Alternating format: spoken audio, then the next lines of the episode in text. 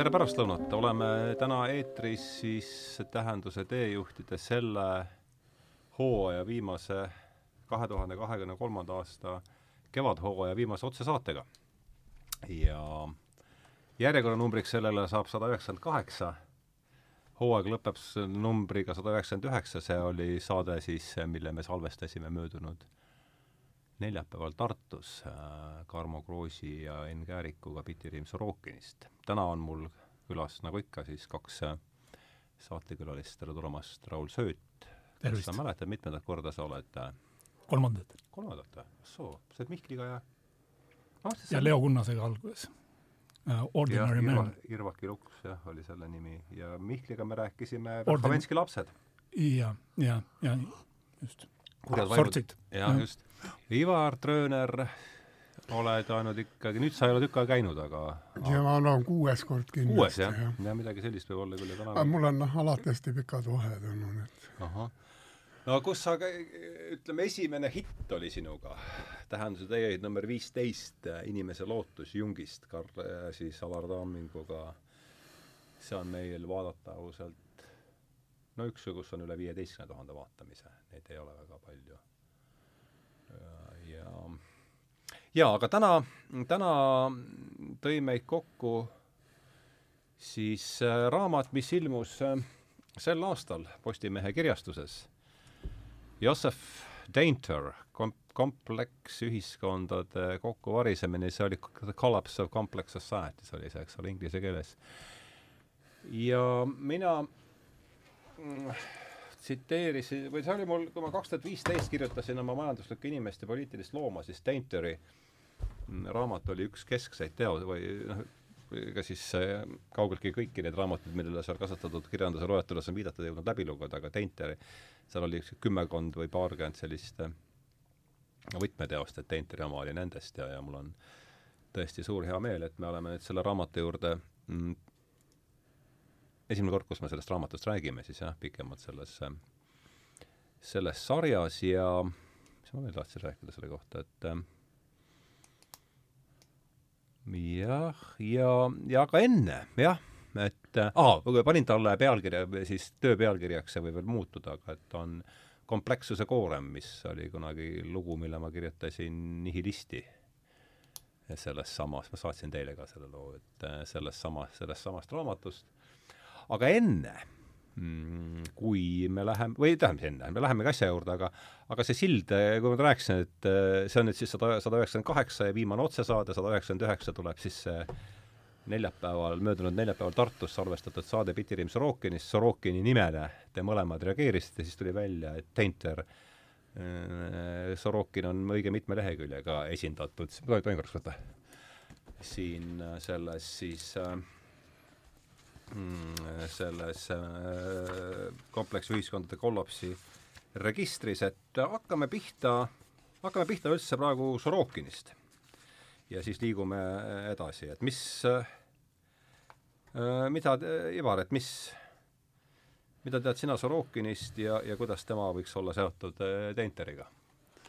Ma vaatan järele need kohad, kus ta no ega seal keskset kohta selles raamatus ei ole ja ka autorina ta on ära mainitud kultuuritüüpide kaudu. muidugi Sorokin on nii suur nimi sotsioloogias, eriti sellises klassikalises suunas, et teda ilmselt teavad ikkagi kõik vähegi sellel teemal lugenud inimesed. minul on ta on selline huvitav mõtleja, et noh, minul temaga mingit otsest kontakti ei ole olnud, et ma olen mõningaid tema raamatuid lugenud, ka, ka see siin laua peal olev Ilmamaa kokkuvõttev raamat. aga ma pean märksa olulisemaks Teinteri puhul seda, et ta väga suures mahus vaatab komplekssuse puhul nii-öelda vanu tsivilisatsioone, kuigi ta väldib väga teadlikult sellist äh, tsivilisatsiooni mõistet oma teoses, sest see on hästi suure sellise negatiivse ajaloolise koormaga mõiste ajaloofilosoofias, et sellega on väga raske midagi peale hakata, aga, aga mul miks? Miks, kus just selle tõttu, et sellega on tegelenud spekulatiivsed pek,, spekulatiivse suuna filosoofid nagu Oswald Spengler. tõenduspõhjatud siis või? no ta, ta ei ole tõenduspõhine, aga ta erineb rankelikust saksa aja, suurest ajaloolasest, kes Ranke, kes lõi ajaloo, ajaloole nii-öelda teadusliku meetodi, et see väga erineb, see tõlgendamisviis rankelikust ajalookäsitlusest aga noh, Sorokinit on mõtet lõpp, lõpupoole vaadelda, kui ta tõesti jõuab juba niisuguste väga modernsete ühiskondade vaatlemisele, sest Sorokini puhul, noh, ta on hästi palju kirjutanud, autor, ja tema selline kultuuritüübi käsitlus ei ole ka väga populaarne, ütleme, sellises ajaloofilosoofias, et teda mainitakse. äh, ja ta on ju noh, ta on tegelikult nii mahukas autor, et ta tõesti väärib eraldi saadet juba tema selline vaade, kuidas ta sotsioloogiani jõuab. nüüd Ilmamaal on ka ilmunud tema ju revolutsiooni sotsioloogia, mis on ju praegu veel aktuaalsem, sest just. ta vaatab just, mida teeb sõda ja nälg inimesega, sest Sorokinit eelkõige teatakse sellise freudistliku paradigma vastasena, kui mm -hmm. freudistlik ja. paradigma vaatab inimese elu sellist energiat seksuaalsuse äh, kontekstis, siis Sorokin toob välja, et ikkagi selle nä nälg kui sotsioloogiline faktor on tal terve teos.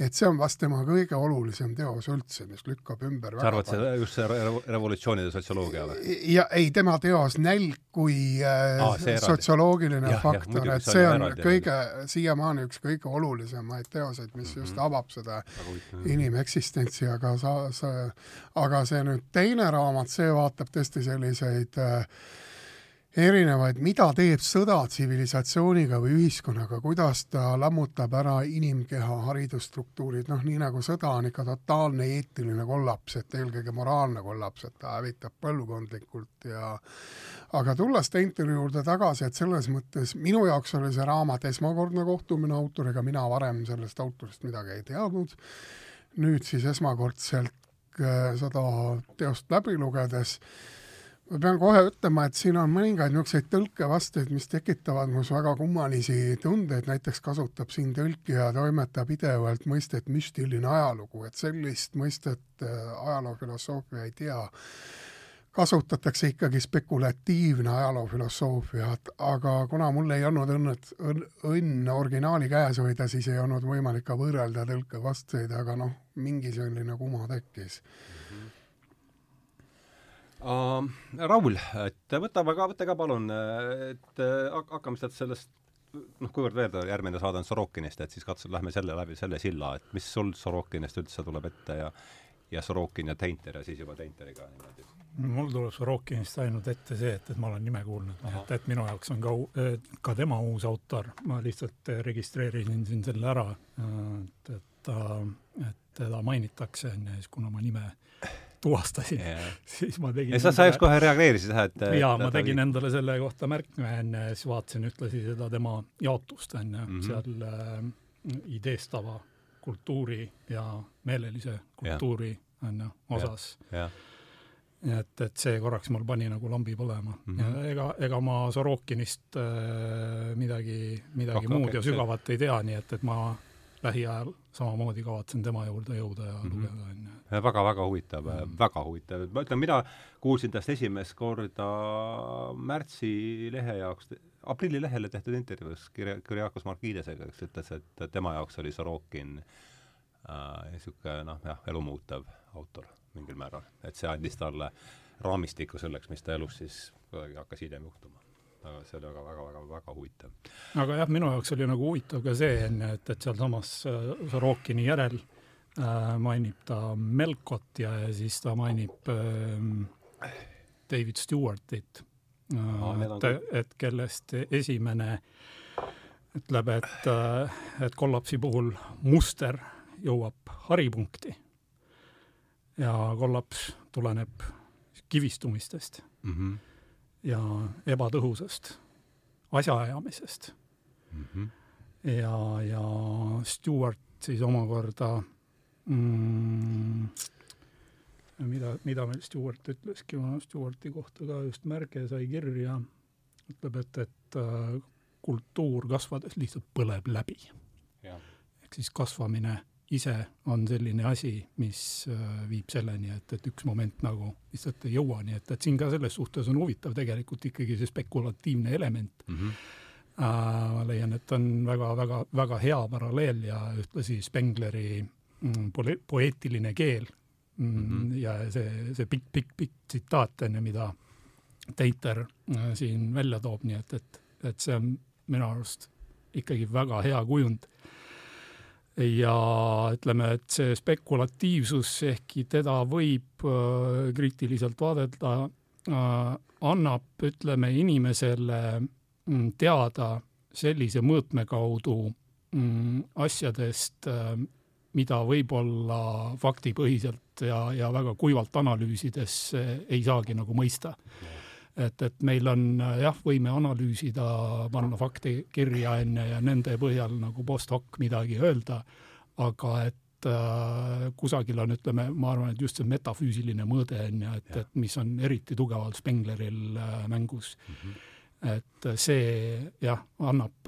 annab nagu võimaluse protsesse mõista sügavamalt nii et noh, seal ongi nüüd need kujundid, on ju, et, et äh, tuuakse juurde see organismi äh, viis, ütleme, sündida, kasvada äh,, saavutada, võita ja siis äh, jällegi nagu ka Melko ütleb, on ju, et ütle see Melko nüüd. Melko on sealsamas David Stewarti järel kohe, nii et, et kui David Stewart, vabandust, vabandust, äh, Sorokini järel, nii et, et kui Sorokin on meil mainitud saja viiekümnendal leheküljel, siis sinna järgi kohe tuleb Melko, on ju Äh, ja, ja sinna järgi kohe Stewart on ju, ja siis Melko ütlebki on ju, et see muster jõuab haripunkti ja siis ka tekib nagu huvipuudus probleemide tehnoloogilisel lahendamisel mm. -hmm. et, et selles yeah. mõttes jällegi yeah. on nagu noh, spekulatiivne väljend on ju, et inimene, kes püüdleb, püüdleb, püüdleb, saavutab mm, -hmm. möllab, saab midagi kätte, siis selles positsioonis, kus nagu just nüüd see õitseng on saavutatud, siis huvipuudus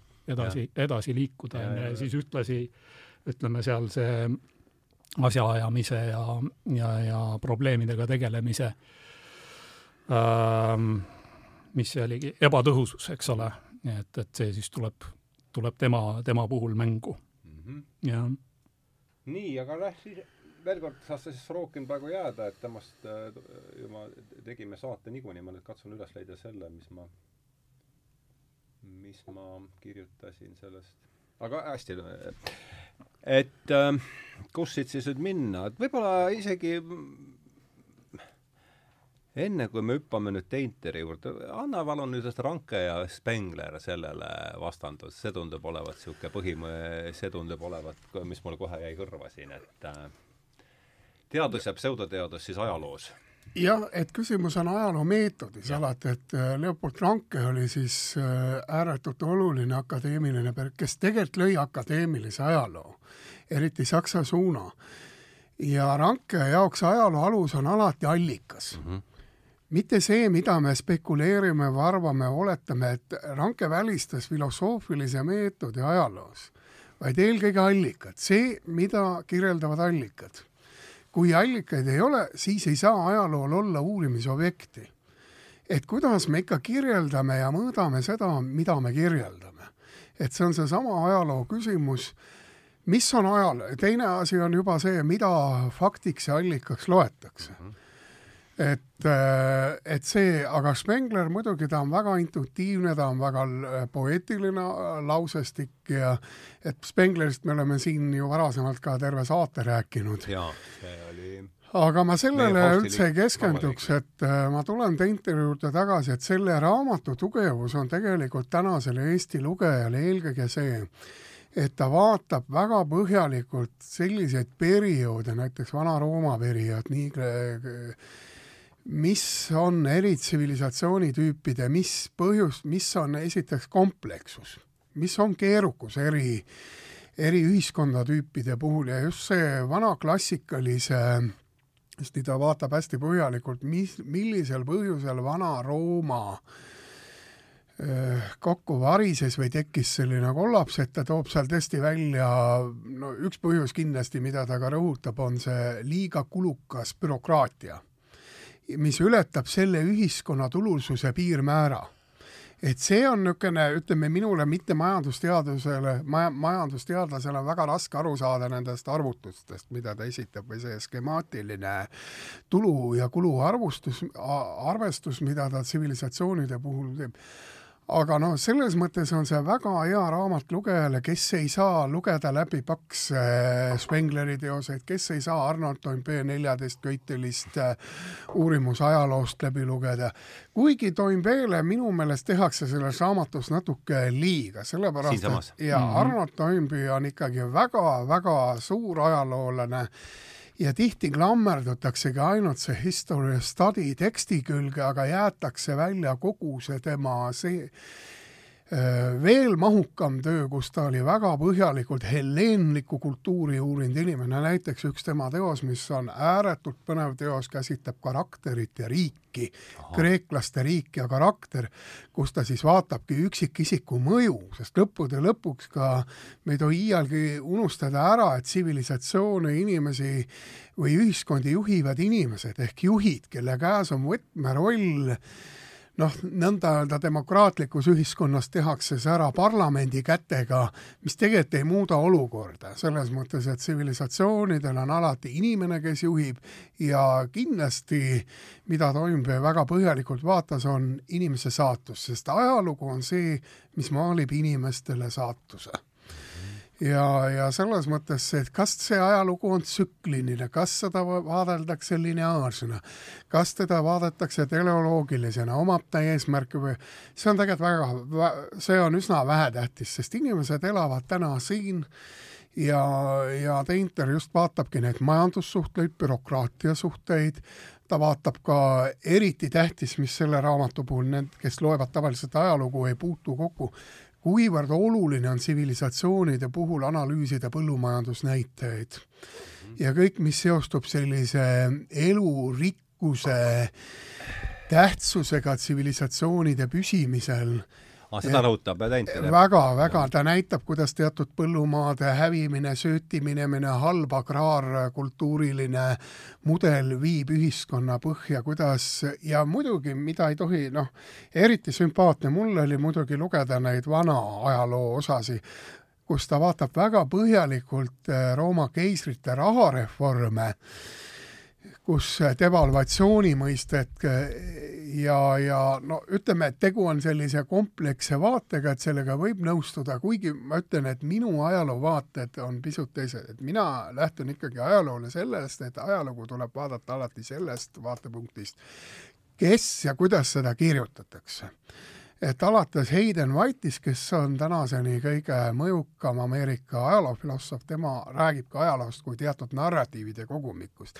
et tema just uuris seda, kuidas üheksateistkümnenda sajandi autorid on kirjeldanud ajalugu, millistest narra-, traagilisest, komöödilises äh, võtmes, alates Nietzsche'st, John Michelest, äh, nõnda edasi, et, et selle narratiivsuse puhul tekibki küsimus, et äh, ta ikkagi vaatleb seda komplekssust sotsiaalteaduslikust vaatepunktist, ta esitab oma arvutused, ta eristab terve hulga tsivilisatsioonitüüpe, ühiskonnatüüpe ja toob välja võrdlevad paralleelid, aga et see on hästi allikaterikas, väga viidete-rikas teos, näiliselt selline suure tekstiga, nelisada lehte teksti, aga see on väga tihedaid mõtteliine täis, et siit saab iga lugeja võtta selle sobiva, aga noh, mind eelkõige huvitas see, kuidas ta vaatleb siis seda Rooma tsivilisatsiooni, sest kõik need inkade ja Ameerika kultuurid, nende kohta ei oska midagi öelda, sest lugemus on väga väike sellel teemal mm. -hmm. Raul, mis sulle jäi eh, nüüd konkreetselt juba Tenteri raamatust eelkõige silma? kuule, mulle ka ähm, peamise positiivse noodina võib-olla jäi just silma see, et, et ma sain siit terve hulga häid uusi lugemissoovitusi.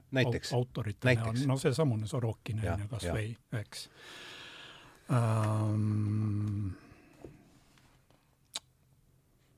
kes ja mis veel, ütleme noh, need kaks nime, mida ma veel enne siin mainisin, Melko, Melko, mida, keda, mida või keda ma ei ole varem kuulnud, on ju. mis ta eesnimi on? ei teagi Melko, Melko oli mul mhm. lihtsalt siin, eks ole, kirjas ja, ja, ja siis muidugi David Stewart ka sinna otsa. Nüüd ütleme, et, et uh, Toynbee ja, ja Spengleriga ma olen tuttav aga miks mitte enne mõningaid asju veel süvenenumalt vaadata.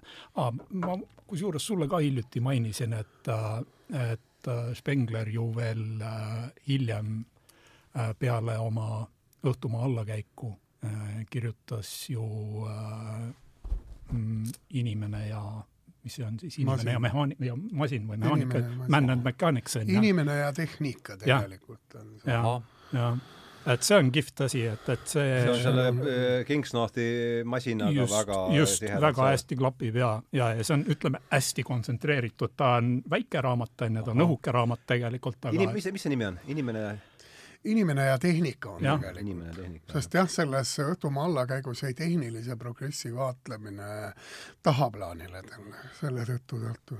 Man and Technics jah, ütleme, et ongi, ongi ütleme, ingliskeelne välja, väljalase on väga huvitav ähm,. see tundub jah, see on, isegi ei tea, see on mingisugune paarsada lehekülge. selle võiks täitsa sarjas ära tõlkida, ta on niisugune sajaleheküljeline traktaat, et ja. see ei peaks nagu üle jõu käima. tundub küll, et see on oluline, jah.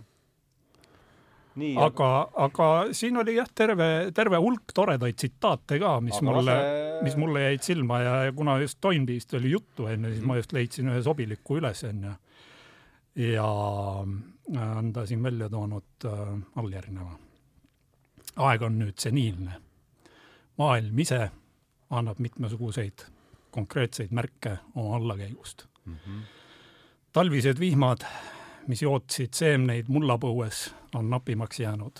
samuti suvesoojus, mis küpsetas vilja. kevaditi on vähem värskust ja sügiseti vähem viljakust.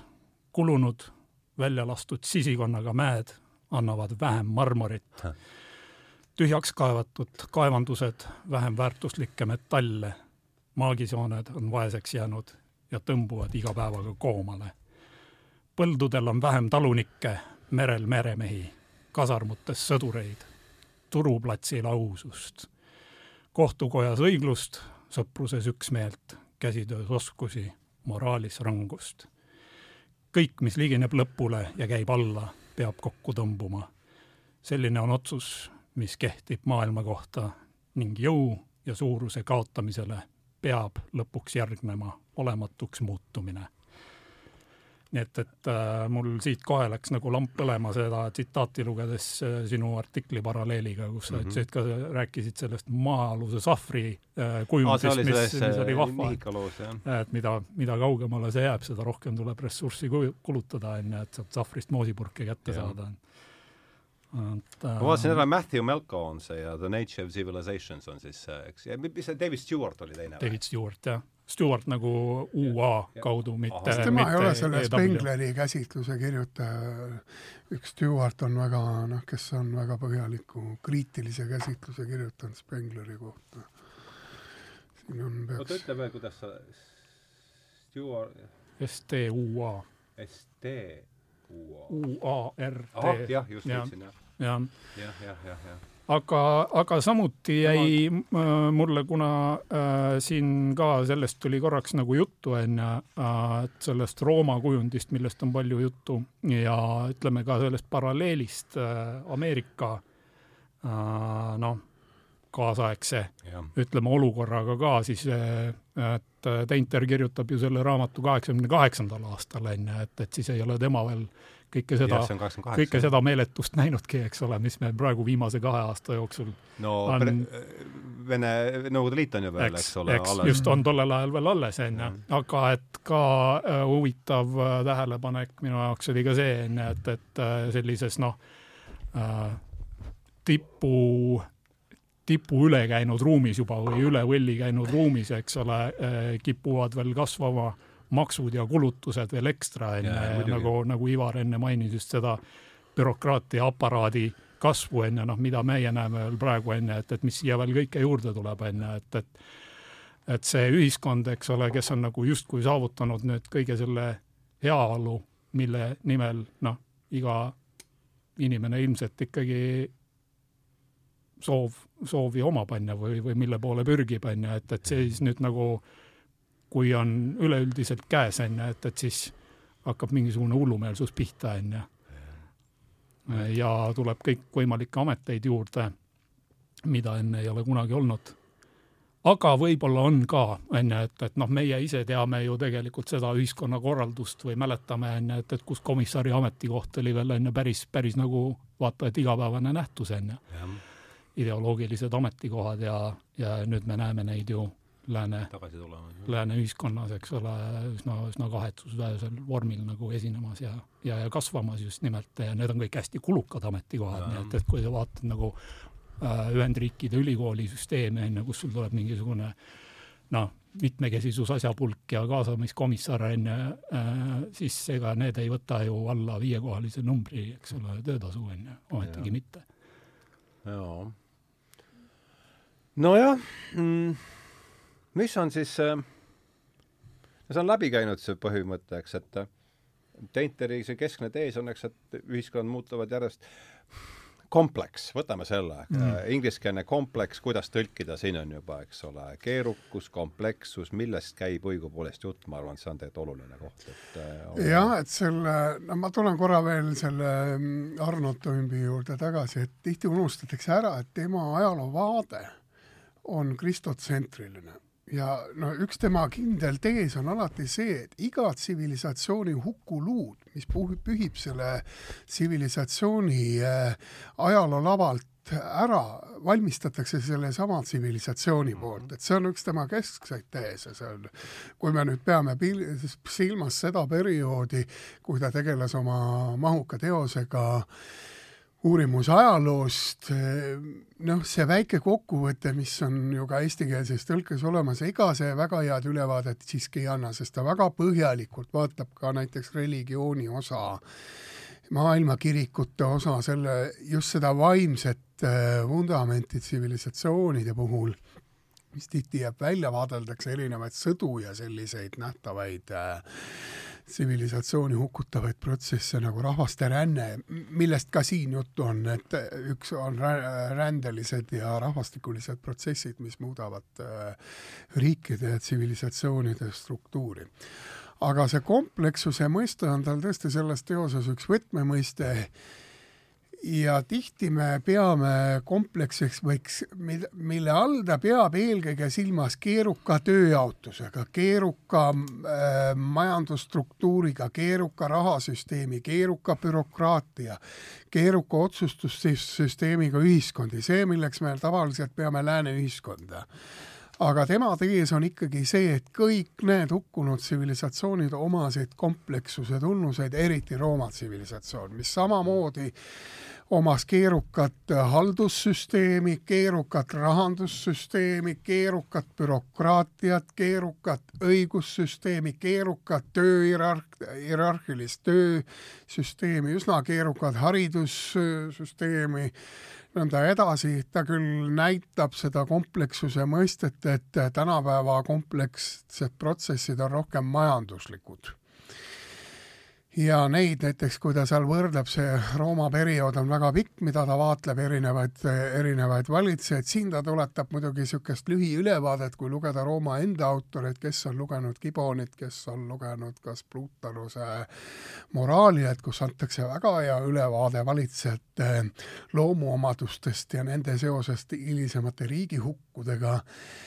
et et, et mulle näib jah, et see komplekssuse mõiste, see tähendabki ülimalt diferentseeru-, diferentseerunud suhtekooslusi mm, -hmm, mis toodavad siis teatud majanduslikku, et need on jah, teatud kommunikatsioonisuhtevõrgustikud, mis loovad äh, oma keerukuse kaudu teatud kommunikatsiooni, teatud ühiskondadele omaseid kommunikatsiooni ja otsustusmehhanisme mm. -hmm et seal noh, tõesti see arvuline osa, kus ta seal eri graafikutega vaatab äh, just seda piirtulususe mõistet, et iga ühiskond ikkagi püsib nii kaua, kui see tulusus äh, põhineb ja seda tulusust sööbki tavaliselt ära väga kulukas riigibürokraatia ehk riigimajandus mis nüüd noh, läänilikus noh, Eestis see ei pruugi ainult riigi oma, vaid see on selles mõttes ka justkui need äh, need kolmekümnekorruselised eraministeerium, justkui, justkui oleks erakätes olevad ministeeriumid, aga noh, samasugused, eks ole. nojah, aga põhiliselt sööb selle ressursi ikkagi ära selline riiklik äh, bürokraatia, mis äh, noh, näiteks Rooma näites ta toob seal äh, Augustuse reformid, kus riigi bürokraatia paisus nii suureks, et tuli hakata raha devalveerima, tollel ajal tähendas see lihtsalt seda, et mündid korjati käibelt ära ja pandi vähema hõbeda ja kullasise sisaldusega mündid ringlema ja inimesed enam vanu münte käest ära ei andnud ja, ja tekitati selline olukord, aga noh, tollel ajal muidugi oli see regulatsioon nagu lihtsam, et seal keiser otsustas, et okei okay,, kui raharinglus ei toimu, siis paneme maksud naturaalmaksudele. No tänapäeval on seda väga raske ette kujutada. aga mulle näib, et kas, et seda Tenteri niisugust äh, ülevaadet täna, kui, küsimus ongi, et kui palju äh, sellest raamatus esitatud teeside abil on võimalik analüüsida tänast äh, läänelikku tsivilisatsiooni ja keerukat majandusstruktuuri.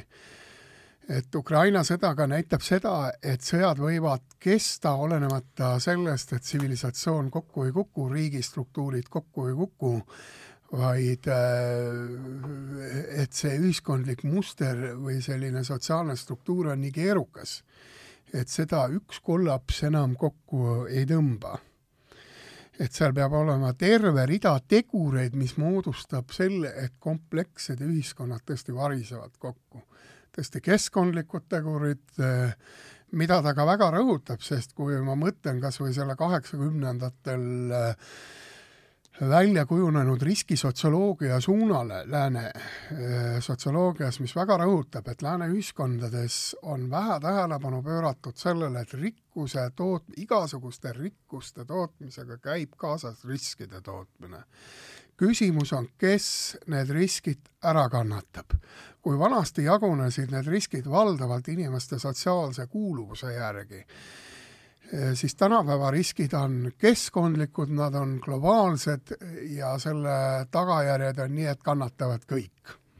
et kui ennem oli võimalik neid riske elimineerida teatud sotsiaalsetele klassidele, noh, osades ühiskondades on siiamaani, et kui me vaatame arenguühiskondi, kui palju kuidas elavad inimesed klummides, kui palju on neil ligipääsu korralikule veele, korralikule õhule, siis see on tüüpiline lääne, täpselt sama lääne tootjad kasutavad sedasama keskkondlikku jõukust, et luua sellist diferentseeritud riskide jaotust. Läänes nad seda enam teha ei saa, sest siin on keskkonnareeglistik ja seaduslik niivõrd karm, aga igasugune jõukuse tootmine eeldab ju ka tihti seda, et sa pead kuskilt kokku hoidma. ja, ja noh, seda ta siin tõesti vaatab ja samuti seda jõukuse jaotuvust äh, ühiskondade puhul, aga, aga see komplekssus pigem jah, tulebki sellest, et need on äärmiselt keerukad töö ja igasugused suhted, mis niisugune ämbliku võrgulaadne, mis seda ühiskonda koos hoiab Raul, ka palun selle kompleks, komplekssuse koha pealt, et kuidas sina sellest äh, komplekssuse keerukus ja, ja, ja kuidas seda üldse tõlkida kõigepealt eesti keelde? tead, ma mõtlesin ka selle peale jah, tõepoolest. Äh, ja mida Teinter ka siin teeb, ongi, et ta pühendab ju ütleme mõistetele äh, eraldi peatükkideni, nii komplekssusele kui ka kokkuvarisemisele mm. -hmm, just põhimõtteliselt äh, Ivar ütles enam-vähem nüüd kõik komplekssuse kohta ära ja, ja, ja ma mõtlengi, et, et mida selle kohta veel lisada on, et äh, mina saan aru, et komplekssus äh, on äh,, on jah, summa, ütleme ikkagi äh, erinevatest esiteks aladest, mis on vaja selleks, et ühte ühiskonda üleval hoida ja, ja, ja mis on siis äh, iseloomustav äh, mõiste võib-olla võrreldes lihtsa ühiskonnaga või noh, ütleme, on ju, toob ju siia kõrvale ka primitiivühiskonnad või mis ma mhm. mõtlengi, et, et need riikide, riikide mudeliga liht, lihtühiskonnad, eks ole, just on tal mõiste kohe siin järele, on ju. Ähm, ja just äh, nagu nende erioskustega rollide mm, osalus selleks, et üks aparaat töötaks äh,, on, on tõepoolest väga suur. ja kui ma mõtlen, et äh, siis ka tegelikult ta kuskil, ma ei mäleta täpselt, kus, aga et ta mainib kuskil ka siin äh, Platonit ka, onju nii et, et siis äh, tuleb sellega seoses ka kohe ikkagi äh, politeia meelde, on ju. nii et, et kui me hakkame inimeste koosluses mõtlema, mida on meil selleks vaja, et meil oleks äh, hea elu äh,, toimiv kogukond ja et äh, kusagilt mäe tagant tulev hõim ei võtaks seda üle, on ju, ei lammutaks maha et äh, siis me hakkame nagu noh, leidma neid vajadusi, on ju, et, et me võime nende üle arutleda, aga loomulikult nad kujunevad ka välja mm. -hmm. nii et, et see ühiskond ise kasvabki loomulikult kompleksseks ja.. Äh, kompleksus jah, äh, mm, kokku, ma ei teagi, kokku pandud või? Jah, mulle, eesti keeles on kasutatud ka komplekssüsteemide kohta sõnaga põimsüsteemid, mis ja. päris äh, avab jälle mingi sellise äh, tahu, et, et mina ja mis te sellest arvate, et ta kusagil minu meelest, ja ma ei jõudnud üle lugeda seda, mul mälestused sellest raamatust on üsna kauged, vähemalt kaheksa aasta tagant, aga aga minu meelest ta rõhutab seda, et et komplekssusel ja keerukusel on, et need on kaks erinevat asja, et kell on küll, kell on mehaaniline kell, no ei ole lihtne, on päris, päris keerukas mm -hmm. asi, aga ta on äh,, ei ole kompleksne, sest seal on ikkagi, suhted on lineaarsed, et siia vajutad, siis tõk-tõk-tõk-tõk, seal, seal juhtub midagi, võimsüsteemides, et vajutad siia, vajutad siia, aga noh juhtub no,, juhtub seal kuskil lehekülg nelikümmend üheksa ta ju defineeribki ära, et komplekssuse all mõeldakse üldiselt selliseid nähtusi nagu ühiskonna suurus, selle osade arv, eristatavus, spetsiifiline ühiskondlik rollide mitmekesisus ja erisuguste ühiskondlike rollide näitajate hulk ning mitmesugused mehhanismid, mille abil organiseerida kõik need ühtseks toimivaks tervikuks. mis tahes nimetatud mõõtme kasv suurendab ühiskonna komplekssust küttide korilaste ühiskonnas on kõige rohkem paarkümmend ühistiku rolli mm, -hmm. sellal kui tänapäeva Euroopas võib tuvastada kümme, kakskümmend tuhat erioskustega rolli. et ta ikkagi, ütleme, et klassikalises äh, sotsioloogias nimetatakse seda diferentseerumiseks. mida keerukam on ühiskond, seda rohkem on ta diferentseerunud, seda rohkem tuleb teda uurida erinevuste ja erisuste kaudu. ja seesama komplekssuse mõiste Teinteril ongi, et ta sisaldab väga palju diferentseeritud alajaotusi. me ei saa ju töörollide jaotus äh, Rooma, vanas Roomas oli teine kui barbariaegsetes Saksamaa lääniriikides, et juba see diferentseerumine on erinev, aga selline majandus, et ta samas ei mõju majanduskesksena, see Teinteri käsitlus, et ta vaatab ikkagi kultuuri ja loodust ja kõike sellise tervikuna ja, ja loomulikult on just see kokkuvarisemise mõiste, mis on üks kõige meelsamini kasutatud äh, spekulatiivses ajaloo ja ka igasuguses hirmusemiotikas kasutatud mõiste, et millal siis hirmusemiotika? hirmusemiotika, see on seesama hirmu kollektiivseid mehhanisme uuriv äh, valdkond, mis uurib just märgisüsteeme, mille kaudu luuakse kollektiivides selline hirmutunne. see peaks et, olema äärmiselt äh, päevakajaline. ja, ja sellega tegeles ka Juri Lot-, Lotman väga põhjalikult, uuris just ühiskonna, mida, sest hirm ei ole ju objekt, vaid ta ongi terve rida selliseid hoiakusüsteeme või kujutlussüsteeme, mis pannakse tööle mm. kommunikatsioonis ja siin on terve noh, no üks kuulus Ameerika ajaloolane on käsitlenud näiteks Pariisi kassitappu, kus Pariisis hakkasid inimesed majanduskriisi ajal kasse tapma, pidades neid süüdlaseks mm. -hmm. mul ei tule tema ajaloo, ta on väga mõjukas Ameerika ideede ajaloolane, kassitapp näidates just sedasama hirmu kollektiivset mõju ja samas äh, noh, Teintelt tõesti ta selliseid psühholoogilisi dominante ei vaata selles teoses, et ta ikkagi on üsna arvutuskeskne, aga väga sümpaatne on, et ta ei jäta kõrvale tõesti neid ajaloolisi ühiskondi, sest üldiselt me Rooma ühiskondadest teame vähe, sest seda komplekssust on väga keeruline selgitada selliste ühiskondade puhul, kus on vähe allikaid aga Rooma hiline periood on paljude allikatega ja paljude kuulsate ajaloolaste tööd ongi pühendatud ka Rooma majandussüsteemile, ka rahasüsteemile. noh, meil neid muidugi tõlgitud ei ole. aga mulle näib, et niisuguse hea ülevaate teosena, kes tahab tõesti tundma õppida mida kujutab ennast üks ühiskond, kuidas see ühiskond on, mis suhetes on ta küpse, mis suhetes hakkab ta jõuga raugema ja millal siis toimub ka selline komplekssuse vähenemine mm -hmm. ja, ja väga paljude ühiskondlike protsesside hargnemine sellisteks pisikillustunud, mis enam ei moodusta sellist ühiskondlikku kogukonda. et sellele lugejale on see äärmiselt huvitav teos, ka neile, kes on lugenud originaalseid käsitlusi suurte ajalooga, nendel on ta ju hästi nauditav lugeja, lugemine, sest sealt saab sellise sün-, sünteesi, et see on selline suur vaade väga suurele teemale mm. -hmm. Raul, ole hea, anna mulle see, palun, mis leheküljest sa lugesid selle esimese tsitaadi, see äh, selle Toynbee või? Äh, vist oli Toynbee, jah? Äh, Toynbee tsitaadi ma ütlen sulle kohe kui... märge on olemas, lugesin leheküljelt kaheksakümmend kuus. kaheksakümmend kuus, aga nii, aitäh, ma vaatan aga, siis.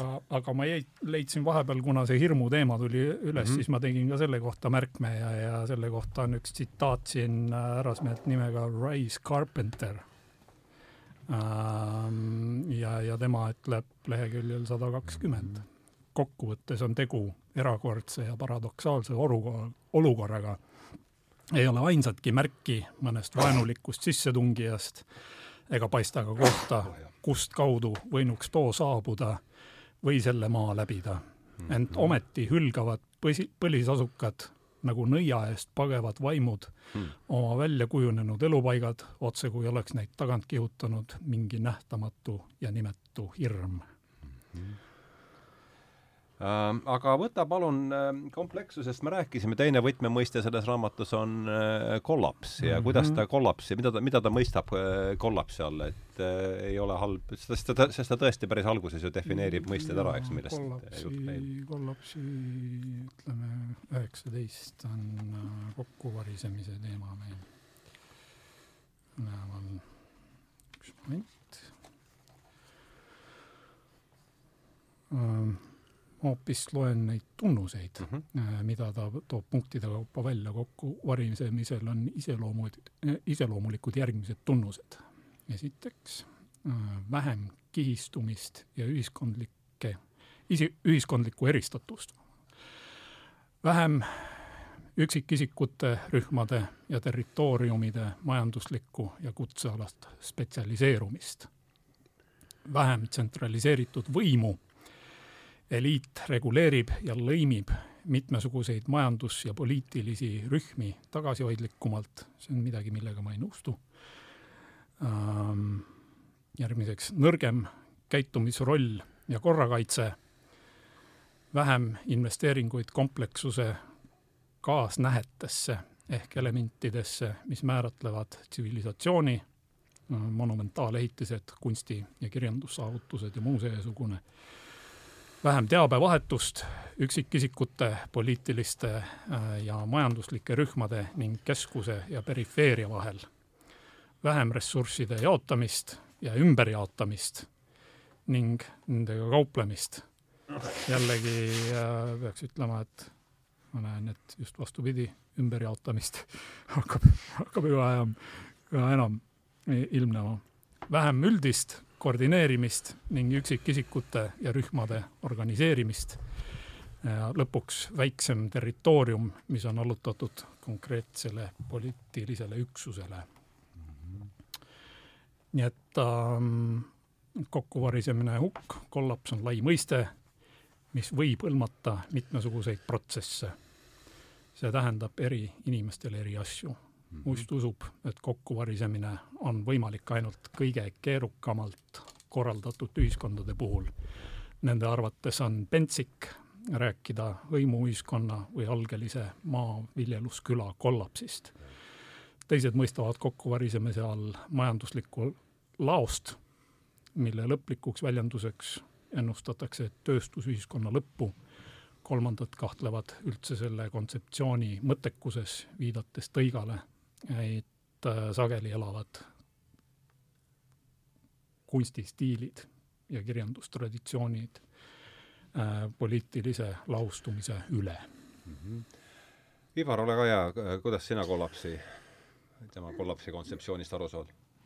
no mida ta muidugi rõhutab, on see, et äh, kollapsid on pikaajalised protsessid, need ei ole nii kohe pauk ja kollapsite puhul täpselt samamoodi tuleb arvestada seda, et äh, ühiskonnad üldiselt põimivad endast läbi sellise ütleme, teatud sellise turvalisuse astme, et väga kiiresti, et see vana modernne ühiskond ja uudne, see põimub läbi.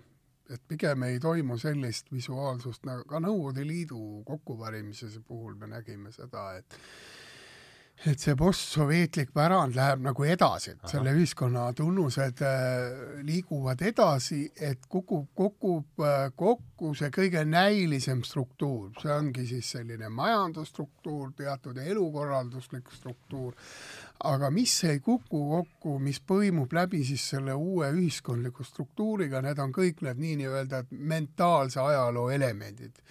Hoiakud, üldised uskumused, kultuurilised arusaamad, keelestruktuurid, kõik need ju jäävad püsima, nad lihtsalt põimuvad läbi uue ühiskonna tuul. see on teatud mõttes nagu uus paradigma toimib vana paradigmaga ühest kahest, lihtsalt ühel hetkel ta raugeb ja tõesti siis, aga siis on juba see uus, mille küljest algul oli ka juba vananenud, et mm -hmm.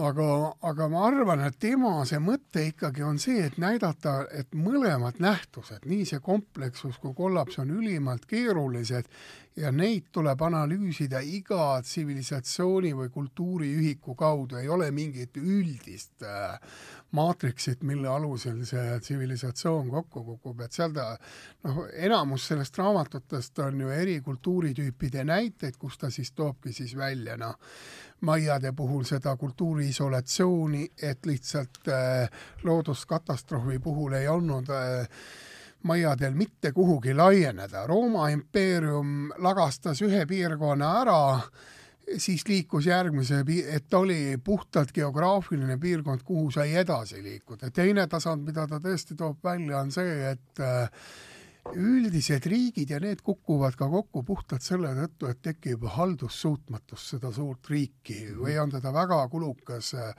pidada, see, seda ju näitab seesama, miks Rooma impeerium ei laienenud edasi just selle tõttu, et äh, selle administreerimine viibki sellise ühiskonna lagunemisele, sest see on niivõrd kulukas ja mitte ainult majanduslikus mõttes, vaid ta eeldab äärmiselt keerukat bürokraatlikku juhtimissüsteemi. Aga noh, teatud tsivilisatsioonitüübid ongi selle tõttu väga pikaaegsed, et neil on võimalik laieneda, neil on võimalik võtta kasutusele uusi äh, keskkondlikke ressursse juba selle tõttu ja see sõltub loomulikult sellest, kus geograafilises kohas äh, konkreetne kompleksühiskond asub või ühiskonnatüüp asub, et äh, ja selle tõttu tal ongi mitmeid näiteid just nendest arhailistest ühiskondadest, ja mida, mida ta just eriti rõhutab, just see maavarade, veega, põllumajandusega seotud küsimused, et kõik nad moodustavad ja muidugi rändelised protsessid, mida ei saa unustada, sest enamus ikkagi kollapseid saab alguse, rahvastikuränne tekib kohe mm. -hmm ja neid nagu tuleks nagu eraldi vaadata ja, ja selles mõttes ja, aga muidugi ühiskond on nii keeruline organism, et seda nüüd äh, et nende mudelite paljusus näitabki, et see teema, millega tegeletakse, on väga keeruline. et ta on empiiriliselt väga raskesti nagu noh, selles mõttes ka akadeemilised ajaloolased naljad selliste teemadega ei tegele, sest on allikaliselt keeruliselt piiritleda ja üldse, mida me loeme lõpuks kollapsib, see, et kui seal midagi juhtub äh,, ühe jaoks on traagiline, teise jaoks ei ole, et see on selle vaatleja punkti, analüüsitava punkti lähtekohast lähtuvalt, et aga noh, selline suurt sellist ja samas ta ei paku mingit spenglerlikku suurt skeemi, et noh, vot nüüd selle ühe skeemi järgi toimivad kõik need ühiskonnad, ta vaatabki igat kultuuri ja tsivilisatsiooni tüüpi erinevalt rõhutades siis ühtede puhul äh, majanduslikke tingimusi, teistel looduslikke tingimusi, kolmandal rahvastike protsesse ja kogu ka tööjaotuse küsimust, et noh, et selles mõttes, et ta vaatleb nagu väga mitmekesiselt. Mm jah, mul oli ka niisugune mulje, et kusagil ta, te olete värskemalt lugenud, võib-olla tuleb ette, et ta kusagil ütleb minu meelest seda, et kollaps ja komplekssus on mingis mõttes vaarikmõisted, et üks defineeritakse teise kaudu, et kollaps on komplekssuse ulatuslik ja kiire kadu siis radikaalne lihtsustamine ja noh, muidugi, et sa, sina rõhutasid seda pikaajalisust, noh, see on jällegi, et mis no see on niisugune täielik. jah, et mis skaalal me asja vaatame, eks, et et loomulikult Rooma impeerium noh, ta ikkagi kukkus kokku pikka aega, võib öelda paar sajandit, äh, aga, aga noh, lõpp oli jällegi, ikkagi toimus, ühel hetkel olid, oli Alarich, oli Alarich see, kes äh, seda Roomat rüüstas esimest korda no jaa, aga see võttis ka mitusada aastat no, aega kõik ja, ja Rooma, ütleme, Rooma kultuurilised elemendid kandusid ju üle, sest väga paljud barbarite traditsioonid, kui lugeda keskaja ajaloo käsitlusi, kas või Le Coff'i, siis väga palju põllukultuurist võeti üle just Rooma tsivilisatsioonist ja ka juhtimissüsteemist, sest barbarid muutusid rohkem tihti roomlasteks kui roomlased ise mingi aeg aga see veel kord näitab, et kuidas selline ühiskond ongi kompleksne juba selle tõttu, et ta on nagu mitmekihiline sibul. Mm. -hmm et sa, iga see kooritav kiht moodustab nagu omaette nähtuse, et lõpuks sa tõesti koorid selle sibula nii, et teda, temast jäävad järgi niisugused koored aga, aga selles mõttes, et ta ei ole nagu tomat, et sa lööd ta puruks ja siis ta on nagu, vaid tsivilisatsioonid ongi alati niisugused kihilised sibulad, et noh, nende lagunemisprotsessi puhul noh, tuleks ka seda nagu arvestada. noh, meil muidugi on see eelis, et meie tõesti oleme näinud selle Nõukogude äh, no ma olen ka lugenud ajaloolasi, kes kasutavad mõistet äh, Nõukogude tsivilisatsioon, sest Nõukogude sellisel süsteemil olid tsivilisatsiooni tunnused. no Kotkini raamat on ju äh, Margaret Mägis Stalinism kui tsivilisatsioon. jah, jah. see on ka päris hea. Kotkin, Stephen. Stephen Kotkin, jah. teda ma lugenud ei ole, nii et aga noh, põhimõtteliselt sama, sama asi ju. ja, ja seal on niisugused noh, tsivilisatsioonile tugevad, noh, aga noh, me ju kõik kogesime seda et see ei olnud ju, et see oli niisugune, et ta, kõige esimene oligi see majanduslik krahh, mida ja. Eh, kõik enamasti kogesid ja siis mm, me saime ka aru, kui kiiresti tegelikult kompleksühiskonnad ka uuenevad. et nad loovad kohe uue asendusstruktuuri, see võtab aega, aga põhimõtteliselt välis sellist nullseisu kus kõik inimesed on hävinenud, majad on hävinenud, kultuur on hävinenud, nagu ei teki. suuremat ikkagi sõda siis. jaa, aga sõda on ka tsükliline, et et noh, Ukraina sõda nüüd ka näitab, et ikkagi no, ütleme, tuua massihävitusrõõda seda. aga äh, lähme, anname Rauli ka vahepeal sõna, et et võtame palungi, see on minu arust hea, et sa tõid mängu selle äh, Teinter ja meie isiklik kogemus ikkagi, siin me oleme kõik eluaastate poolt, eluaastate poolt, meil on ikkagi ühe äh, komplekssüsteemi sees ühe noh, jällegi, kui ulatuslik see kollaps oli ja siin võib vaielda muidugi, aga no tõsi on see, et meie sündisime ikkagi Nõukogude Liidus ja nüüd on see riik, elame me Eesti Vabariigis, et äh, see on noh, midagi siin muutus, et et ole hea, kuidagi võib-olla selle isikliku kogemusega ka siduda Tainter ja sinu isiklik kogemus äh, Nõukogude Liidu äh, kollapsist ja te mõlema, et, et seda oleks huvitav ma võtaksin kõigepealt sammu siiski tagasi ja, ja veel natukene selle eelmise mõtte sabast kinni äh, ja ühtlasi nendest äh, kokkuvarisemisele iseloomulikest tunnustest, mida Teiter siin loetleb. ja üks nendest, millega ma ei saanud nagu nõustuda, äh, see oli see haldusküsimus. ehk siis ta mainib, on ju, et vähem on tsentraliseeritud võimu. ja ma ütleks just, et et äh, mida komplekssemaks see ühiskond kasvab, äh, mida rohkem neid kihte sinna tuleb ja põimi-, äh, noh, läbi põimi-, põimitust, ütleme nii, seda tegelikult rohkem me näeme soovi hallata kõiki elu aspekte, ehk siis totalitaarsus, eks ole, tuleb mängu. see on enne seda radikaalset lihtsustamist, ma ei näe siin vastuolu. just, selles mõttes ja, ja, ja, ja, aga ma ei näe seda, on ju, et, et see, äh, see nagu ütleme, see tsentraliseerituse noh, kadu kui selline oleks nagu äh, kokkuvarisemise, ma ei teagi, kas põhjus või onju, et see on pigem tagajärg. see on tagajärg, jah. jah, see on pigem tagajärg, onju, aga ütleme, et noh, et, et ta räägib mina nagu sellest, et ma sain just nagu sellest aru, onju, et ta räägib iseloomulikest tunnustest, onju, et, et see on nagu selle protsessi äh,, protsessi nagu, nagu just jah, ma nagu lugesin selle justkui nagu sinna põhjuste hulka või. mina, mina saan ka aru et jah, ma näen pigem seda just, et see haldamise soov äh, nagu meeletu haldamise soov on ju, ühtlasi seetõttu ju meil bürokraatia aparaat ka paljuneb. Charles Eisenstein kontrolli epideemiaks. just, just, on ju, et meil on vaja seda kontrollida, seda kontrollida, eks ole, ja siis igale poole tulebki on ju aparaati juurde, loomulikult on ju äh,, seal on järgmine äh, nüanss minu arust on see, et, et äh, inimloomuse eitamine kipub mm -hmm. tulema nagu idealismi pilves nagu mängu. ehk siis ähm, kõik ähm, kontrolliprotsess käib idee põhjal ja sealjuures nagu ununeb ära äh, sellel, kes on nüüd ütleme administratiivaparaadis kontrollival rollil, et äh, teised inimesed talitavad ka oma loomuse põhiselt, on ju, nii et, et äh, ühtegi äh, ühiskonda ei ole võimalik selles mõttes nagu selle äh, ühe idee alla lõplikult sõlmida, ehkki ütleme, ma näen just, et, et komplekssuse äh, noh, või, või siis ütleme, komplekssete ühiskondade selles tipphetkes on just see soov kõige suurem.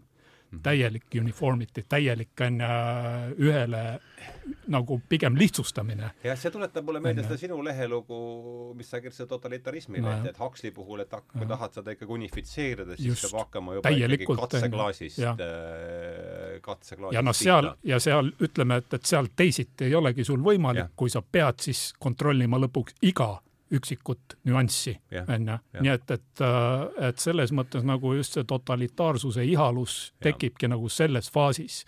ehk siis kõik on vaja luua ideaalseks, kogu maailm on vaja katta sametiga, onju, et äh, jalakene ei saaks haiget. ja noh, kuidas sa seda teisiti teed, kui tuleb äh, panna kaamerat igasse koju, onju, et, et keegi jumala eest midagi valesti ei ütleks või jumala eest -hmm. midagi valesti ei mõtleks, onju. et äh, siis äh, ju tuleb hakata ka mõtlemist kontrollima. nii et ähm,, et see haldamise ähm, noh, haldamise ülim soov äh,, mille nagu näiteks võib olla see, et, et sa püüad nagu seda peotäit liiva nii meeletult väga-väga äh, seal käes hoida, on ju, et lõpuks äh, liiguvad kõik need terad läbi sõrmede välja, et, äh, et see on võib-olla see perio-, see paralleel, mida mina näen ja tegelikult, mida me ju nägime ka Nõukogude Liidu kollapsi juures. ega nüüd ütleme see, et, et seda äh, suurt monstrumit ei suudetud hallata, ei olnud äh, tingitud sellest, et seda ei püütud hallata. Mm.. onju, ehk siis püüdlus oli olemas, soov oli ju olemas, aga kõikvõimalikud äh, noh ma ei tea, kas rahvuslikud eripärad on ju, või siis äh, midagi veel äh, tingisid selle, et, et ei õnnestunud nagu ja jah, jah. eks te lõpus räägite ikka mis te tahate, aga, aga, aga kas see, kas sinul tuleb Nõukogude Liidu ajast äh, meelde midagi sellist, et ahah, et üks koht, et kurat, et see asi, et see asi ei püsi koos või et, et mingi niisugune hetk, kus sa mõtlesid, ahah, et nüüd see jube keeruline, ma, kui Nõukogude Liit kokku varises, olin ma üheteistaastane. Okay, aga ma mäletan seda, noh, mida ma Nõukogude ajast ikkagi mäletan, on see, et äh, noh, ja siis see po, nii-öelda postsovetlik Eesti, mis veel tükk aega edasi läks, et see teatud noh, noh, seesama, kui me tuleme, see raamat küll totalitarismi ei käsitle, aga totalitarismi analüüsis tuleb alati silmas pidada kahte sellist liige, et üks on kontrolliv totalitarism, mida te siin esile tõite, aga teine totalitarismi vorm on premeeriv, premeeriv totalitarism mm. -hmm sest totalitaristlikud süsteemid kõik eeldavad koostööd nendega, kelle üle valitsetakse, et luuakse, tuleb luua teatud hegemooniline side nende üle, kelle üle võimu hallatakse. ja Nõukogude Liidus oligi ju see, et oli valdavalt see selline kontrolliv ja administreeriv ja reguleeriv totalitarism inimesed olid kõik sellised, äh, sellistes suhetes, kus nad üksteist enamasti ei usaldanud või ei tohtinud usaldada. et minule, mulle jäi see Nõukogude aeg meelde sellise kurjade inimeste, kurjade nägudega, see, kus kõik oli keelatud ja ja, ja selline no tsivilisatsiooni tüüp, kus naerat-, naermisel ja rõõmul nagu kohta ei olnud, ega ma sellel ajal kaheteistaastaselt suutnud aru saada, mis see Nõukogude majandus ja, on või nõnda edasi aga tulles nüüd selle sinu poolt tõstata, et ka siin Teinter vaatab näiteks sedasama administratiivset paradigmat kompleksi ühiskonda näitel, Rooma näitel kui Rooma ühiskond muutus sisemiselt nõrgemaks, mis siis toimus eriti Rooma tsivilisatsiooni viimastel aastatel, sadadel, siin ta toob näi-, et tohutult hakkasid mu-, valitsejad lühiajaliselt vahetuma mm. -hmm. Teine, mis kohe esile tuli, moodustati printsipiaat, mis tähendas seda, et Rooma keisririik jaotati nelja valitseja vahel ära. see tähendab, ühe keisri asemel tekkis igal piirkonnal oma administratiivne keiser, kes siis kasutas eraldi rahasüsteemi, mis oli Rooma tugevus, administratiivne tugevus, mis hoidis seda tohutut kultuuriliselt, religioosselt erinevat äh, kogukonda koos, oli hea teedevõrk ja sidevõrk ja muidugi väga täpne maksusüsteem, me ei tohi seda unustada, tsivilisatsiooni hoiavad tihti koos väga pragmaatilised äh, tunnused, äh, et Rooma oli noh, väga põhjaliku maksubürokraatiaga ühiskond.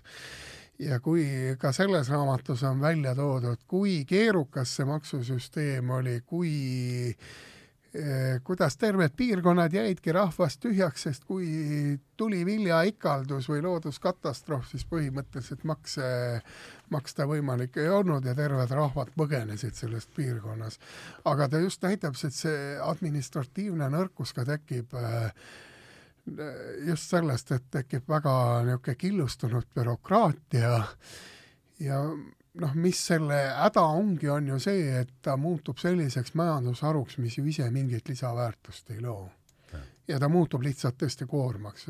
no ja see on see kogu selle raamatu tees, eks ole, et ühel hetkel see ja, koorem ja see lihtsalt kip, on ja Nõukogude bürokraatiat on ju ka uuritud akadeemilistes uurimustes, see toodigi välja, et et see oli selline kõrg, et kui Nõukogude bürokraatia oli samamoodi mitmekihiline, et see alamkiht oli väga halvasti mehitatud bürokraatia osas, mis puudutas inimestele osutatud teenuseid, kui see, millega inimene otse riigiga kokku puutub, et see tasand, bürokraatia tasand oli Nõukogude bürokraatias hästi halvasti mehitatud, mis puudutas seda otsest kontakti inimesega kõrgtaseme bürokraatia, mis puudutas just sellist, mida nimetatakse ideoloogiliseks bürokraatiaks, oli Nõukogude Liidus erakordselt suur. me räägime juba ministeeriumite arv minist-, oli, ületas lääne ministeeriume kümnekordselt.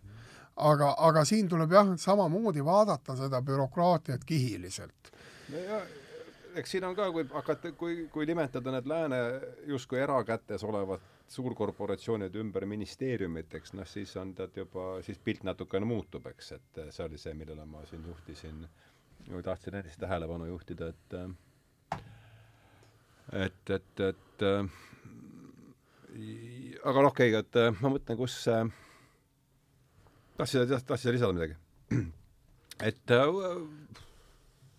aa kahte liiki totalitarism kontrollib ja, ja, ja premeerib, see tuleb, ta justkui jällegi seda, seda, mida sina pidasid või millest sa kirjutasid oma leheloos siin totalitarismi numbris, eks, Huxley ja, Huxley ja Orwell käisid sul ju läbi vist, eks ole? käisid, käisid. mõtlesin ka just selle et Huxley võib-olla, jah, et Huxley, Orwell ja Tainter, Huxley, Orwell ja Tainter, kuidas sa selles võtaksin ka võib-olla selle premeeriva totalitarismi Mm, sabast kinni ja. ja mõtlen selle peale, et see on ju, see on ju põhimõtteliselt jällegi, et, et kui nüüd Orwelli paralleel tuua, siis see on, see on see noh, siseringi partei ja, ja välisringi partei ühenduskoht või, et, et see on see, kus nagu kõik soovivad hirmsasti olla mhm. on ju, et, et sa ripud seal selles, selles välisringi partei liikme, liikmena mm, -hmm. eks mhm. ole, kusagil ja püüad hirmsasti saada sinna siseringi. Mhm. on ju, ja, ja see, see on nagu selline hästi-hästi kõrge motivatsioon ühiskonnas, saada ka see portfell kätte, saada ka see ametikoht, saada osa nendest partei, privileegidest. partei ja majandusaktiivi ja liiga saata, saada osa nendest eh, privileegidest ja kui sa sinna oled jõudnud, siis iga hinna eest seal püsida. Mhm. On ju, ja noh, siis ümberringi külvata seda kaost, mida sult eales kas või äh, vihjena nõutakse. et äh, ma, ma ikkagi leian, et peamine, peamine noh, mm, see põhjus või, või, või äh, tuum igasugusel äh, kollapsil on ikkagi moraalne Mm.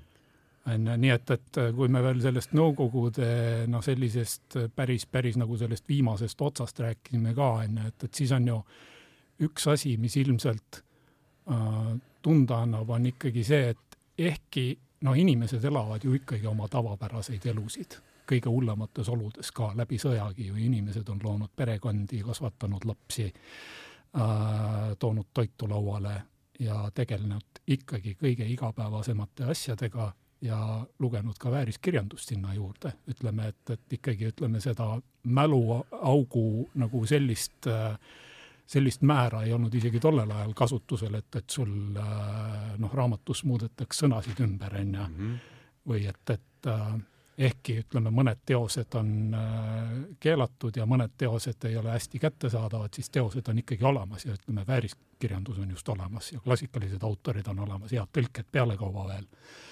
Aga et ähm,, aga et see mm, see püüdlus sobituda mingisugusesse noh, eeldatavasse, nõutavasse mõttevormi ma arvan, et see on kõige hullem, ütleme, selline degradeerimise äh, koht või, või, või, või lõik skaalal, et, et mis inimesi lõhub. Ehk siis eelkõige lõhutakse see inimene ise, Mm. on ju, ja see on nagu kõige, kõige suurem tragöödia. nii et, et kui sul seal ühiskondlik äh, vorm kukub kokku, siis ammu enne seda on moraalne laast- Mm. laostumine toimunud tegelikult Mhm. aga et ütleme, et noh, et, et kui sa vaatad nagu üldse Nõukogude režiimi kui sellist, on ju, siis äh, see on ju algusest peale platnoi riik ju, see on ju mõrvarite, mõrvarite poolt rajatud, on mingisugune konstruktsioon, eks. et mis omakorda nüüd ütleme, võtab ikkagi jällegi läänelikust traditsioonist äh, kõik need äh, printsiibid, mis aitavad ühte ühiskonnakorraldust koos hoida aga et kui me vaatame seda päris seda kahekümnenda sajandi alguse lõiku enne, mis sealt noh, seitsmeteistkümnendale aastale järgneb, siis ma arvan, et, et see on see kõige, kõige räigem osa tegelikult, et kus, kus nagu moraalne koodeks ja metafüüsiline mudel lõhutakse ära ja see jääb siis ütleme seda riiki saatma Mhm. kuni lõpuni välja ja ilmselt on ka ikkagi lõpuks selle kollapsi põhjuseks, sest et, et kogu süsteem on ehitatud sul valedele ja moraalitusele, on ju, millele omakorda riputatakse külge kõrge moraali siht, on ju. et vastuolu on kogu aeg kaasas ja ei saa äh, lõppu, lõputult kesta, paratamatult ei saa. jah, mul tuleb ka siin see see, see panin, mis sa panin kirja, see kollapsi peapõhjus on moraalsus, see tuletab mulle äh, päris äh,, see tuletas jällegi, tuletas meelde jällegi lõigu Sorokinis, ma mõtlen, mis ma siin äh,, seega on meeleline ühiskond äh, ja ma paluks Ivaril võib-olla siin nüüd, kui, kui ma selle ette lugen, et siit võib-olla mingi sellesama Painter justkui rõhutab majanduslikku poolt siin, eks ole. aga, aga just see, toon, ma toon selle moraalse poole ka veel sisse, et ma loen siit Sorokinist lõiget. seega on meeleline ühiskond oma meelelise eetikaga ise ette valmistanud enda alistumise kõige tooremale, kõige tooremale sundusele. vabastades endast jumalast ning kõigi, kõigist absoluutsetest ja kategoor-, kategoorilistest moraalsetest, moraalsetest imperatiividest, on sellest saanud varjamatu füüsilise sunni ja pettuse ohver ühiskond on jõudnud oma moraalse allakäigu madala, madalaimasse punkti ja maksab äh, nüüd oma enese rumaluse eest traagilist hinda. selle kiidetud utilitarism, praktilisus ja realistlik otstarbekus on pöördunud kõige ebapraktilisemaks ja ebarealistlikumaks, mitte utilitaarseks katastroofiks ja nii edasi et äh, ikkagi ma ürit-, veel, kuivõrd järgmine saade on Sorokinist, et siis ma noh, tahaks mm. jälle kuidagi mingit no, siin väikest silda ehitada. moraalsus on selline mõiste, millega ajaloo analüüsis on vähe peale hakata, sest esiteks rank, kui sa lähed ranketeed pidi või? Äh, jaa, noh, ma toongi siin ühe sellise loogika näite et kui me vaatame kõiki üheksateistkümnenda sajandi ühiskondi, keskaja tsivilisatsiooni struktuuri, millisest mora-, moraalist me seal räägime? Orjus, üksikisiku allutamine, tänane tsivilisatsioonitüüp pakub moraalselt kõige rohkem alastust, sallivust, erinevuste taluvust just täna mm. -hmm. kuigi kui teha inimestele küsitlus, küsida, kas tänane ühiskond on moraalne või mitte, siis valdavalt pooled leiavad, et see ühiskond ei ole moraalne aga moraal on alati üksikisiku tasandil, me ei saa rääkida kollektiivsest moraalist, sellist asja olemas ei ole eetikas vaid moraali keskseks küsimuseks ongi alati olnud üksikinimese valikud. milliseid valikuid inimene teeb? ja siin tuleb ikkagi öelda see Mahatma Gandhi aegumatu tõde tsivilisatsioonide kohta. mitte ükski ühiskond ei jää püsima, ei saa kokkuleppele, kui seda ühiskonda valitseb ahnus ahnus on see, mis paneb nii-öelda selle dünamiidi alla nii poliitikale kui tsivilisatsioonidele.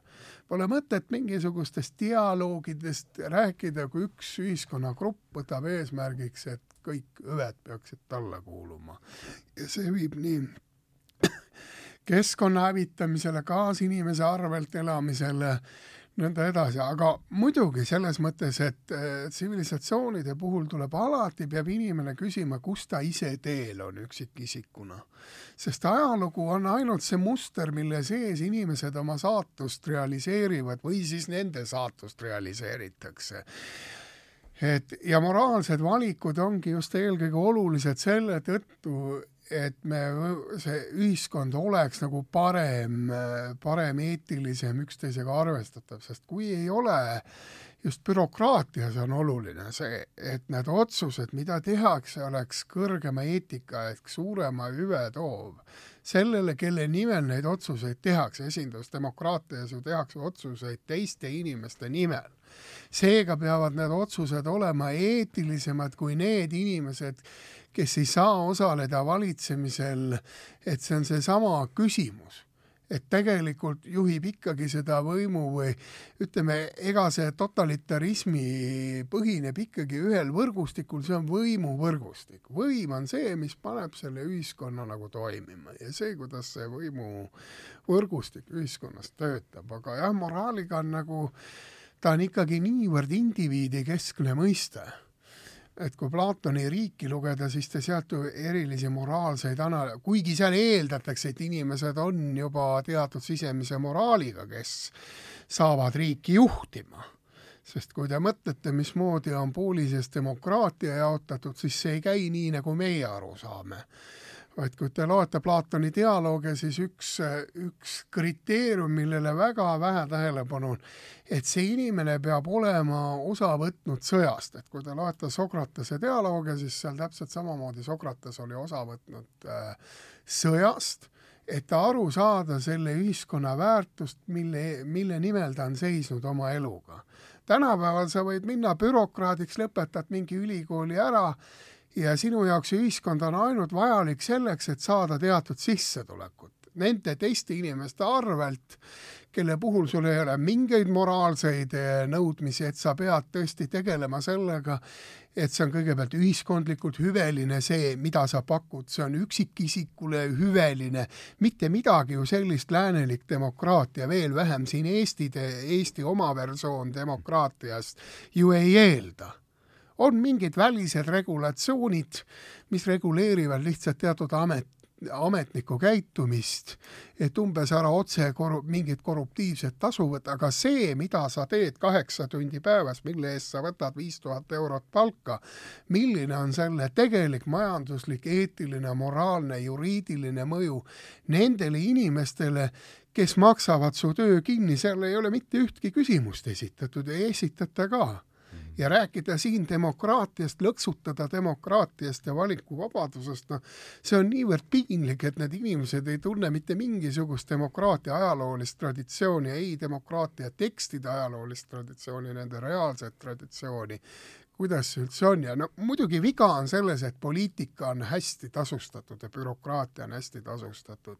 see on esimene asi, mis tuleks ära muuta, et see jutt, et me saame mingid head eksperdid sinna tööle, seda ajalugu ei kinnita, me, me näeme, et poliitik või minister võib olla iga keskharidusega inimene eile oli ta laotöötaja, homme astub ta erakonda ja ülejäänud aja on ta siis sotsiaalminister, kaitseminister, õigusminister ja nõnda edasi, nii et nojah, aga samas jällegi no, kuskilt ole täitsa arusaadav, aga noh, vaadates kuhu, kus on see kriis jõudnud ülikool, et see ütleme, selle kollaps on võib-olla ülikoolidesse kõige rohkem ennast sisse söönud, siis ega see no ülikoolid toodavad just teatud sotsiaalse, sotsiaalsele struktuurile teatud ametikohti või teatud pädevusega inimesi, kes siis äh, lähevad ja küsimus ongi nendest erialadest, mida õpetatakse ja millise, nagu Ülo Vooglaid on rõhutanud, et ülikooli häda ongi see, et nad on suured kutsekoolid ja see haritlase kujundamine on, no seda, sellega üldse ei tegeleta, nii et noh aga riigijuhil, noh, nii kui te loete Platoni riigis, seal on ju moraalsed omadused selgelt loetletud. ja, ja, ja, ja selline riigijuhtimistraditsioon või see, kes on riigijuht, kuidas teda koolitatakse, kuidas teda kasvatatakse, ka see on niisugune selline, mitte teda ainult ei koolitata, vaid kuidas on teda kasvatatud mm. -hmm.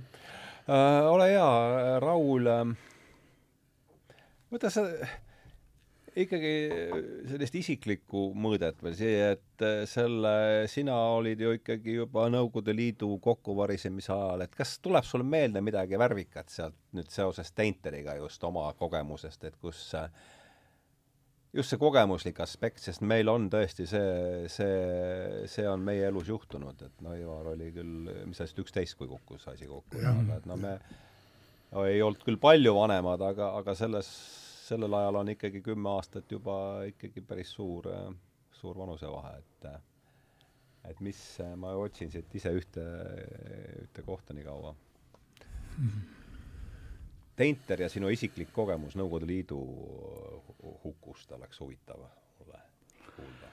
ma just mõtlen veel selle üheksakümnendate mm, peale, ehk siis ma ikkagi ajan ikkagi libisen teemast välja okay, no nii. ja siis ma ütleks, et ähm, äh, Ivar mainis enne just, et ähm, et seal oli ka nagu seda postsovetlikku äh, pohmelli või midagi sellist siis üheksakümnendad on omamoodi äh, huvitav nähtus, ma arvan, et, et millise sarnast kusagil mujal maailmas kogemust inimestel eriti ei olegi mm. -hmm. ütleme, et, et Metsik Lääs oli liiga ammu, et ja. Äh, inimesed praegu mäletaksid ja. seda.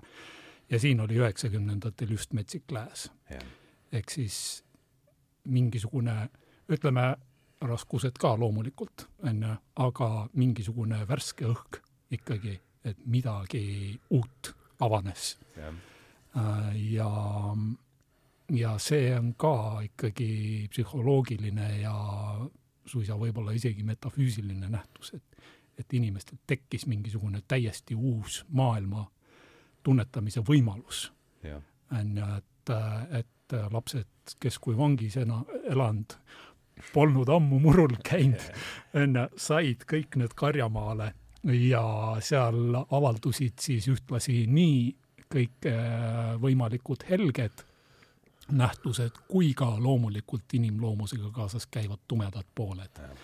nii et, et ma arvan, et, et see on väga-väga väärtuslik äh, kogemus, ähm, mida tasuks aeg-ajalt väärtustada lihtsalt, et just see, just see üleminekuperiood ma kuidagi nagu millegipärast nagu mäletan seda eredamalt, kui võib-olla seal kaheksakümnendate lõppu. Ja, ja seda noh, Nõukogude Liidu võib-olla kõige viimast perioodi, nii et, et kas see, kas see nüüd väga selline terav äh, murdumise hetk oli, pigem mitte jällegi, et, et see oli ka üleminek ja, ja kuskilt mul nagu sellega seoses tegelikult tuleb meelde, ma nüüd täpselt ei pannud endale lehekülge ja viidet kirja, aga et ka Tainter siin kusagil mainib, et, et tegelikult nagu äh, äh, mõni lääneriik ja noh, kommunismi leeris olev riik, on ju, olgu see siis kommunistlik Hiina, on ju, või seal ta vist isegi Põhja-Koread mainib et, äh, et ei olegi võib-olla nii väga palju erinevad, vaid on nagu ühe sama äh, noh, ikkagi koos eksisteerimise vormi, lihtsalt mingisugust kaks erinevat äh, spektri, spektrimängu, on ju. ehk siis me oleme justkui nagu kogu maailmaga lääne ühiskonnas praegu, et, et meil väga eristuvat ida ja lääne joont ju ei olegi. on ju, ja kõik on sarnased kompleksühiskonnad tegelikult, et, et okei okay,, sealpool on ta teistmoodi koos, eks, aga et inimesed põhimõtteliselt talitavad ikkagi mhm. mingisuguste sarnaste vormelite järgi.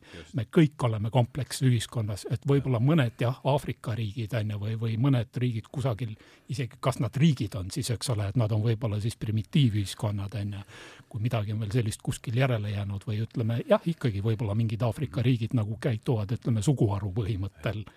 ja see on üks huvitav asi, mida, mida toob minu, minu jaoks väga, väga nagu ähm, mm, tugevalt äh, mõjutanud äh, või noh, minu jaoks nagu väga-väga kihvt mõtleja Victor Davis Hanson välja jällegi on ju mm -hmm., et, et kes kes äh, ütles, et, et kui tema on käinud, ütleme seal Kesk-Aasia riikides või, äh, või ka puutub kokku äh, Mehhikost tulnud inimestega, ju, tema Californias viiendat põlve farmer, ju, ja ühtlasi klassitsist, äh, palju, palju kirjutanud autor, väga huvitav mõtleja, siis ta ütleb, et, et kui ta on nende inimestega nagu suhelnud, et siis erinevus tuleb välja selles, et nad ütlevad, et meie ei palka, et noh, ütleme, et, et miks, miks teil see aparaat siin nii kokkuvarisemise äärel on, ta oli kusagil kas Liibanonis või, või kus tal, ütleme, endal äh, juhtus see, et, et oli vaja pimesool eemaldada, on ju, nagu ega, ega üldiselt nagu väga, väga meeldiv kogemus ei olnud, on ju. Ja, ja üsna, üsna riskantne kogemus, on ju, aga et, et siis, kui ta nagu nende inimeste küsisid, no kuidas see süsteem nagu, et, et miks, miks see nii on, on ju siis nad ütlevad, et meie palkame oma lähima sugulase, mitte, mitte parimat spetsialisti. et see ongi nüüd, ütleme, üks asi, mis on eristanud siis sellist kogukonna või ja. mis ma ütlesin, suguharu ühiskonda enne sellest komplekssest läänelikust mudelist, kuhu tegelikult ka ikkagi Nõukogude Liit kuulus. absoluutselt. on ju, et, äh, et kuhu palgatakse parim võimalik spetsialist ja siis ütleme tõesti, kui see ühiskond siis korrumpeerub läbinisti, siis seal on ka see isikliku suhte on ju asi mängus, jah ja aga Ivar, sina, äh, käis mõte läbi või tähendab, sõna paradigma käis ka siit sinu, minu meelest tõid sina selle sisse, et kas sul on Tenter ja Kuhn oleks, äh, noh, oleks minu mõte, kuhu see kuhu liiga erinevad, sest et äh, Kuhn ikkagi vaatab äh,, ma olen nii ammu tagasi lugenud seda teadusrevolutsioonide äh, ajalugu või kuidas ta oli, et see no,, minul jäi, et see tema paradigma käsitlus, see on liiga füüsikaline, et seal ta tõesti vaatab erinevaid sa räägid Kuunist nüüd?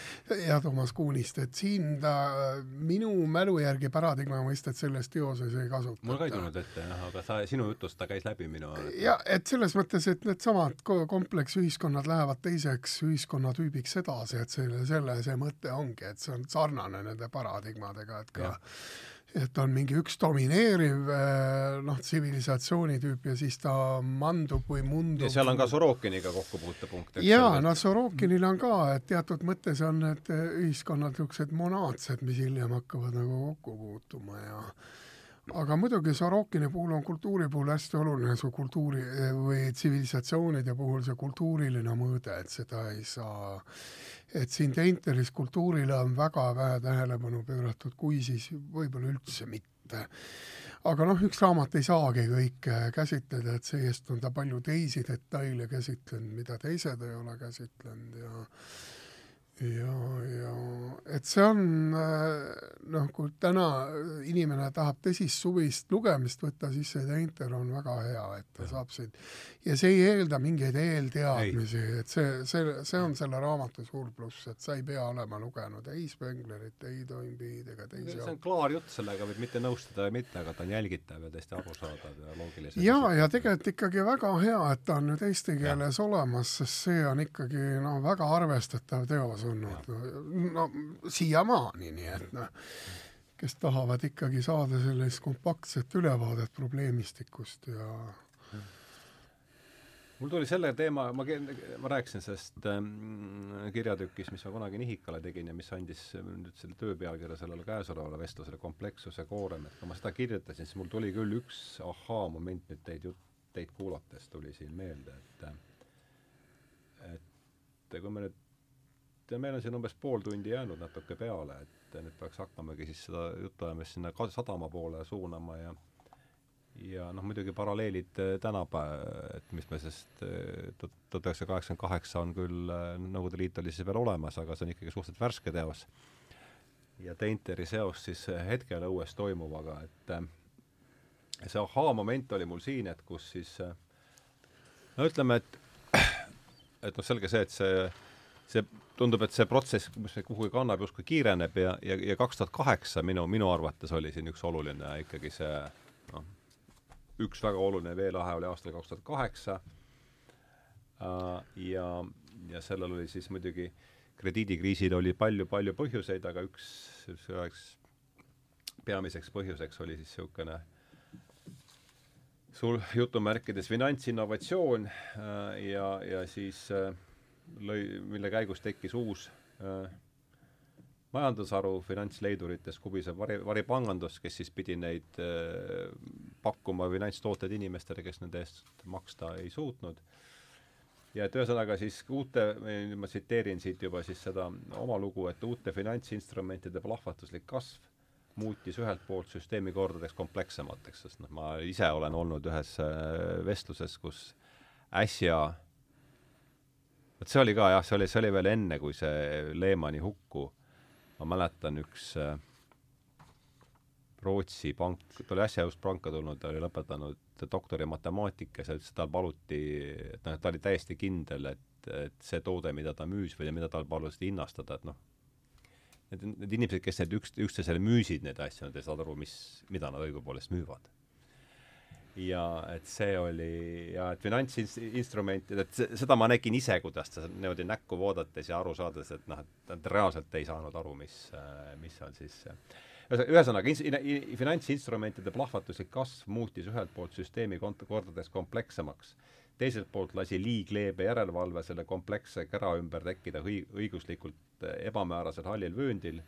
kus siis peened äh, poisid ja preilid headel aegadel oma priskeid boonuseid teenisid, et noh, ühesõnaga tekkis see hall ala, kus siis toimu-, kus siis äh, tehti raha sisuliselt ja karjääre. Ja nüüd, kaks tuhat kümme, siis see on see, see oli minu jaoks see ahaa-koht, et kahe tuhande kümnenda aasta suvel andis USA kongress finantskriisidele oma kaaluka vastuse. kahekümne esimesel juulil allkirjastas president Obama kongressmenide Barney Franki ja Chris Toodi algatatud sea-, seaduseelnõu, milles on kaks tuhat kolmsada lehekülge et suuremat komplekssust raviti seega veel suurema komplekssusega mm. ja ma mäletan, et äh, George Friedman ütleb oma, ütleb oma suurepärases raamatus Storm before, ei, Storm before the calm, jah, ja Maru enne rahu, ütleb, et esialgne Ühendriikide sotsiaalkindlustusseadus, see vist võttis, mahtus, ma ei tea, kolmekümnele leheküljele ära. et, et noh, see, et probleemiks on komplekssus seda ravitakse seadusega, mis on siis, kus on kaks tuhat kolmsada lehekülge, noh, neli tuhat kuussada, see on see, minu, minu mõttes on see natuke nagu see Rooma, Rooma impeeriumi lugu, et mida suuremaks see asi paisub, seda suuremat piiri on vaja kaitsta ja noh, seda suuremat ressurssi see nõuab ja noh, sealt me jõuamegi põhimõtteliselt Teinteri, põhiargument ju, et mm, -hmm. et mida suurem piir või mida pikem piir, seda suure, rohkem on seda vaja, seda rohkem, seda kulukam on selle kaitsmine. Et äh, mm, jah, aga ma siis juhatan sisse selle, ma palusin sulle selle, selle viimase osa siis mm,. palusin sul küsida seda, äh, et mis sa, et mis lehekülg oli see tsitaat, mis mul jäi kõrva, et aeg on nüüd seniilne. et see on äh, minu meelest selle äh, kompleksi ühiskondade küsid veel lehekülge või? ei, see on ka, ei korras ah, ma panin kirja juba, et see mis leheküljel see oli? Toimbi tsiteerib kaheksakümmend kuus. kaheksakümmend kuus, jah mm. -hmm. minu meelest see on see võtmekoht, et sellise noh, nii palju, kui mina olen püüdnud seda asja siin diagnoosida, et, et kolm asja, mida me teame praeguse asja kohta, et süsteem on seniilne ehk reformimatu, punkt kaks jaa, see on Küprianiuse tsitaat, jah, sealt tuleb siis Toimbi kristotsentriline vaade ajaloole. ja see on ka Teinteri järgi, sa, ta nimetas küll seda küll teisiti, et see süst-, noh, kivinenud süsteem, mis on nimet-, minetanud igasuguse paindlikkuse, äh, noh, seda ja Friedman ütleb selles samas raamatus, mis ma äsja ütlesin, et poliitilised eliidid sellises olukorras äh, noh, parim vastus igale probleemile on teha sedasama, aga veel noh, kolmekordse, kolmekordse siis innuga, et no üks mask ei aita, siis teine, kaks maski ei aita, siis kolm, midagi noh, midagi sinnakanti, et mis te sellest äh, mõttest arvate äh,? just sellest äh, süsteemi seniilsusest äh,. et äh, annan pallidele lihtsalt äh, põrgatada. ja seos praeguse, praeguse jaa, aga see on väga hea näide selles mõttes, et äh, millist sa mõtled? see bürokraatia näide, et on selge see, et neid inimesi, kes selle kahe tuhande kolmesaja leheküljelise dokumendi on alla kümne, kes on suutnud selle läbi lugeda, aga keegi üldse, kui keegi läbi. üldse ja, ja teine küsimus on see, et kui palju ühiskondlikku raha läks sellise mm -hmm. asja tootmisele, kui, mida oleks võinud kasutada inimkannatuste vähendamisel.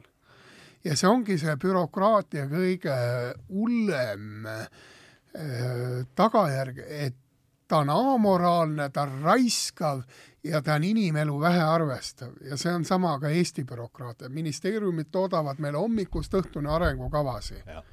ja mitte ühtegi oleks üks arengukava, mis on toonud reaalselt heaolu inimestele Eesti, ma ei, ma ei suuda ühtegi meelde tuletada. välja, kes neid üldse loeb, see on ja kes neid loeb, neid, neid, ma ei tea, mis kolkalikus eesti keeles kokku kirjutatud äh, vaestemaja eesti keeles kokku kribatud tekste. siin ma vaatan, loodan küll chat GDP poole, et see võiks ju, Eisenstein kusagil kirjeldas seda väga hästi, minu meelest see esimene kord, kus mul tekkis, üks väheseid kohti, kus mul tekkis, et chat GDP varsti kirjutab ja loeb selle selle pahna ise läbi ka, noh. ja, ja siis kribab seda muidugi, no ma ei tea, mis see meie metsadele tähendab, aga aga mm, tahtsin Rauli käest nüüd midagi aga Raul, võta, võta ise praegu mingi jaa, äh, jaa, ma kiidan sinu artiklit. ehk siis äh, seesama komplekssuse koha pealt, jah? jaa, sarnaselt ütleme selle äh, raamatu soovitusega soovitan kuulajat see oli Nihilistis küll, seda ei ole praegu kuskil isegi. see tuleks kindlasti uuesti üles panna. jaa, see on hea artikkel ja seal ühtlasi ma leidsin enda jaoks ka sarnaselt raamatule häid soovitusi, tegelikult inimene, keda sa seal ka mainid, see on nüüd hea mitu aastat tagasi, aga ta ongi aktiivne olnud ja ma kuulsin tema nime ühest sinu podcast'ist äh, varasemalt, äh, James Rickards oh,. ja, ja, ja tänu, tänu sellele ma tegelikult nüüd juba, ma ei tea, mitme kuu jooksul olen jõudnud hea mitu tema mingit intervjuud ja loengut kuulata, väga huvitav mõtleja. nii et, et tema oli üks nendest, aga huvitav, et, et sa mainisid just seda kahte tuhandet lehekülge, ma täna enne siia tulekut kuulasin veel Äh, kellegi Larry. kolmsada koguni. Äh, ja kaks tuhat kolmsada just nimelt jah, äh, kuulasin kellegi Larry Arni. tuhande peale jääb veel kolmsada lugeda. jah, jah, kellegi Larry Arni saadet, Larry Arn on Hillsdale kolledži president. ja üks nendest väga-väga vähestest Ühendriikide ülikoolisüsteemi asutuse presidentidest, kes ei võta riigilt ühtegi ja. kopikat äh, raha, on ju, ehk siis ta ei lase ka endale öelda, millist ideoloogilist programmi ellu viia. ja hirmsasti ollakse ta kallal, nagu agijad, on ju, või hüäänid, on ju. ja tema äh, ühes oma äh, saates mm,, neil on nimelt äh, iga reedene äh, Hillsdale Hour, kus lahatakse siis kas äh, päevapoliitilisi äh, sündmusi või siis äh, Churchilli tihtipeale, kuna Larry Arn on Churchilli uurija ja või, või siis mõnda klassikalist teksti äh,. mainib ta seda sama äh, kahe tuhande lehekülje ah, mainib, probleemi jah. just nimelt ja see on äh, enne Kevin McCarthy ametisse määramist spiikrina onju ja siis ta ütleb seal ka, et viisteist vooru või mis seal läks? ja, ja ta ütles ka, et, et noh, et, et eriti jabur ja, ja, ja mm, um, noh, ütleme tuska tekitav on see, et, et, ähm, et üks asi, mida siis nagu repli-, republikaanidel oli nagu vähemalt julgust nõuda või küsida, oli see, et, et neile antakse selle kahe tuhande pluss lehekülje läbitöötamiseks seitsekümmend kaks tundi vähemalt. ja, ja nagu noh, seda tuli ka enne seal, seal välja, välja lunida enne, mis on kolm päeva, eks.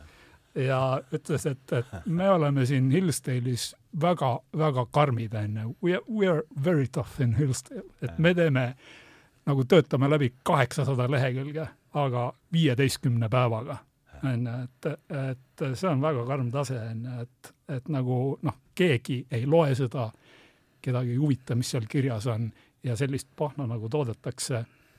ja kõige hullem on see, et, et vot siin tuleb mul see Nõukogude äh, nagu paralleel võib-olla ette, et, et vaata, tollel ajal oli ka kombeks öelda, et tehakse saksa äh,, vene lollusi saksa täpsusega, onju, et, et see oli see üks sihuke kalambuur, onju. ja ma arvan, et see võib-olla kõige paremini seda lõppu ennus- äh,, lõppu iseloomustav ka.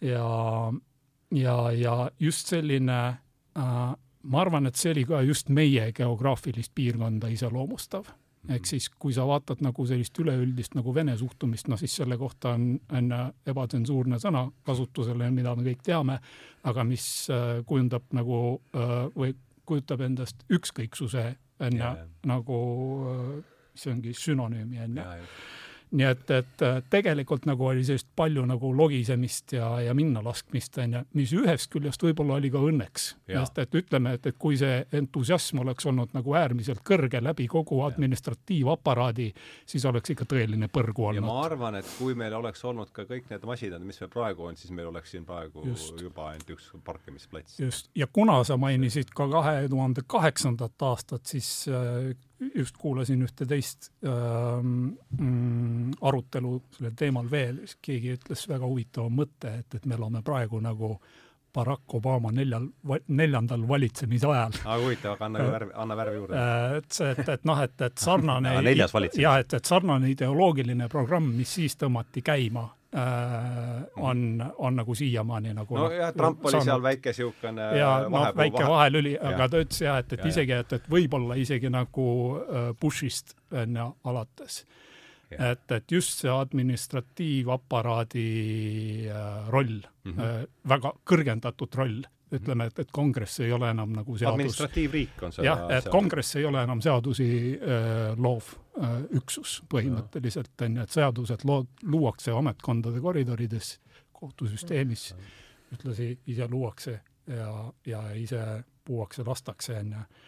ja üks asi võib-olla veel, millest meil ei ole täna juttu olnud äh,, on äh,, on ikkagi väga suur muutus, mis on peale kaheksakümne kaheksandat aastat jõudnud äh, jõudnud nagu meie õuele ja see on seesamune vahend, mille kaudu me ju täna oleme eetris ka, ehk mm. siis kogu Aitäh. maailm on ju ühes võrgus, eks, nii et, et see on midagi sellist, mida ei olnud enne kuskil olemas. nii et, et täiesti nagu fundamentaalne muutus, jah. jah, see on väga-väga suur muutus, on ju.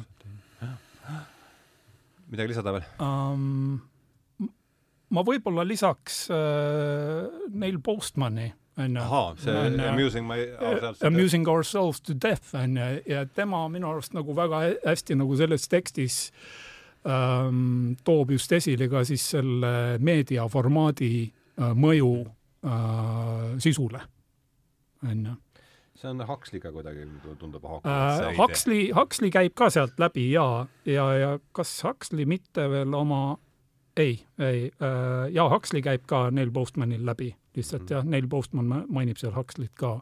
temal on see lõbustada surnuks. just, Ja, ja, ja, lõbustame ja, endid ja, surnuks ja, ja temal Ja. on see, mis on väga noh, kihvt kihvt raamat. ja see peaks Jaa. ka olema kindlasti, eesti keeles peaks olema nii Postman kui ka Lippmann, Lippmann, sa mõtled äh, Walter Lippmann. Mis sa Lippmannilt äh, eelkõige? ma tean, et avalikku arvamust tõlgitakse eesti Ahah. keelde, aga tal on noh, suurepärased raamatud on see Hea ühiskond näiteks, mis äh, vajaks täiesti kindlasti eesti keelde tegemist. no lisaks veel ikkagi Burnham, Burnham, keda ma kogu aeg tahan Jaa, esile tuua. James Burnhami aga rääkige Burnham- natuke sellest, et see, see sinuga, see saate eellugu on ju see, et, Mhm. et me Rauliga tahtsime, tahtsin Aul, ammu Rauli saatesse kutsuda, siis mõtlesime, millest me räägime. Ja siis äh, sa pakkusid välja paar raamatut ja me ei leidnud ja, ja No lõpuks me Burnhami- siis saime, kutsusime Ivari ja leppisime kokku, et me räägime Dainterist, Jah. aga et nendest, räägi nendest no tänu sellele ma sain Dainteri jälle läbi No- lugeda no nüüd. et said Ivariga tuttavaks, seda pole ju varem kohtunud., just. aga et need, mis oli see raamat, mis, mis sa esialgselt jaa? James Burnhami uh, Managerial Revolution ehk siis ütleme, ametnike revolutsioon. no see on väga ju ja see ja see raamat on ju, kas see polnud mitte kolmekümne viienda aasta, ei, vabandust, see on neljakümne esimese aasta raamat. mm -hmm. Managerial Revolution nagu seegi. just, aga äh, ja noh, ütleme, et lühidalt, kui öelda, on ju, siis äh, Burnhami ähm, argument on see, et äh, ei kapitalism ega sotsialism ei ole need teed, kuhu me lähme või ütleme, et kapitalism on läbi, aga et sotsialism on ka nagu, ei ole päris sotsialism, aga et nüüd on ametnike klass on võtnud äh, ühiskonna juhtimise mm. üle, on ametnikud, spetsialistid, noh, nad on managers, eks ole, manager on veel tehnokraatia nimetab. George Friedman selle kohta, just äh, on ju, ja et, et see on tegelikult äh, äh, selline iseloomuomadus, mis äh,, mis iseloomustab antud perioodil, ehk siis ta vaatab nii, ütleme, natsionaalsotsialistlikku Saksamaad, kui ta vaatab Stalini Venemaad, on ju, kui ta vaatab ka Ameerika Ühendriike, et tegelikult on kõik nagu ühes äh, noh, ühes amastikus põhimõtteliselt on ju, ametnikud juhivad kogu mängu, nii seal kui siin et, et mängureeglid on samad. Nüüd ütleme jällegi avaldumisvorm on mõne, mõnevõrra erinev, aga et mängureeglid on samad. Ja ütleme veel Burnhami raamatule eelneb ju veel siis kolmekümne kaheksanda aasta essee on ju, mida ma soovitasin, on Garrett Garretti uh, Revolution Was ehk siis revolutsioon oli juba ära. Mhm. on ju, ja, ja seal ta peamiselt äh, lahkab äh, FDR-i äh, New Deali, on ju, ja väga noh, huvitav on see, et, et et tänapäeval, eks ole, uuesti üles toodud äh, sõnamäng on ju Green New Deal, eks ole, nagu siis otseselt nagu praktiliselt johtub sellest, on ju kolmekümne kaheksas aasta on omaette huvitav aasta. aga et ja, jah, ta lahkab nagu seal Ameerika, ütleme, administratiivaparaadi toimetamisi siis on ju. Ja, ja Roosevelti kabineti. On ju tegevusi, nii et, et see on ka väga huvitav tekst, et võiks, võiks täiesti eraldi võtta ette. ma arvan, et väga hästi paralleelselt sobikski kokku just Burnham ja Garrett. jaa, siin on lihtsalt, et kui on raadiokuulajaid, kes, keda teema erutab ja kes on neid lugenud, siis andke endast märku. ja Garrett on täiesti tasuta saadaval ju Miisise, Miisise lehel, on ju, et, et see artikkel on seal saadaval. ja need, võib jah, need siis Burnham ja Garrett olid need kaks mm. autorit, kellest me, kellega me Rauliga oleme siis pikalt rääkinud, aga ei ole leidnud jah, siis ma mõtlesin just, et Garretti artikli nagu üsna alguses tal kas sissejuhatavas äh, peatükis või kusagil oli äh,, ma täna ei võtnud see, seda tsitaatide kogu on ju ja märkmete kogu kaasa, aga et, et tal oli üks nagu üsna lühike repliik, et sa ei saa midagi päästa, mille sa oled juba kaotanud. sest nagu jällegi noh, ütleme niisuguse kultuuriruumi elemendina on ju, et, et kui nagu ühiskonnas on mingisugune asi nagu lastud konkreetselt käest ära ja see juba laguneb nagu täie, täie hooga, et sorry. jah, on ju, et, et siis tuleb nagu liikuda justkui nagu mingisuguse uue mudeli poole või et, et tuleb püüda luua midagi uut. nojah, eks see on jälle see paradigma, paradigma vahetuse koht tõenäoliselt, et äh, Ivar, tahad sa lisada midagi siin, enne kui ma saab ainult nõustuda ja selles mõttes jah, et see, mul on lihtsalt tekkinud küsimus, et miks sellel ametniku võimu kesksel paradigmal demokraatias nii suur roll on, sest tegelikult noh, tekib ka küsimus, et milleks üks rahvas seda seltskonda nii suurel hulgal ülal peab. ja miks ei ole tekkinud meedias diskursus, väga tõsine diskursus või diskussioon selle üle, et kes need ametnikud on, mida nad teevad, mis on see tulem, kui palju ja, ja seda enam on see paradoksaalne, et me räägime targast digiühiskonnast, kus on nii palju muid võimalusi teha inimese vabalt bürokraatlikke protsesse. Ja järjest, eelmine aasta oli ju ka järjest jälle mitu tuhat ametnikku juurde võetud et mida need inimesed teevad hommikust õhtuni ministeeriumites, no mida ta teeb seal kaheksa tundi, üheksa tundi, mille maksab siis kinni kõige tavalisem Eesti ettevõtja ja maksumaksja. jah, kes seda, keda on siin loputatud läbi Covidi ja, ja tont teab veel mida. ja see on, noh, see, see on niivõrd ebaõiglane just ettevõtjate seisukoha pealt, kes maksavad hiigelmakse, varjatud makse selle, et tõesti sel, selle ametnikele pandud rahadega saab teenuseid arendada, saab vähendada inimeste kannatusi, saab arendada haridusvõrku, saab arendada kultuuri, mitte midagi, kõik see raha, noh, kultuuriks raha ei ole, sest seda sööbki ära mingi tohutu parv ametkondi, anonüümse näoga, anonüümse töötulemusega seltskond. jah ja vot üks raamat, millest tahaks rääkida ja mis haakub siin ja, ja sügisel tulekski see ette võtta ja ma mitu korda seda siit nüüd läbi ka tänasest jutuajamist on läbi käinud, George Friedman äh,, sa kindlasti tead George Friedmani, eks, Stratfori äh,, tuleb sulle ette? tuleb ette küll, jah.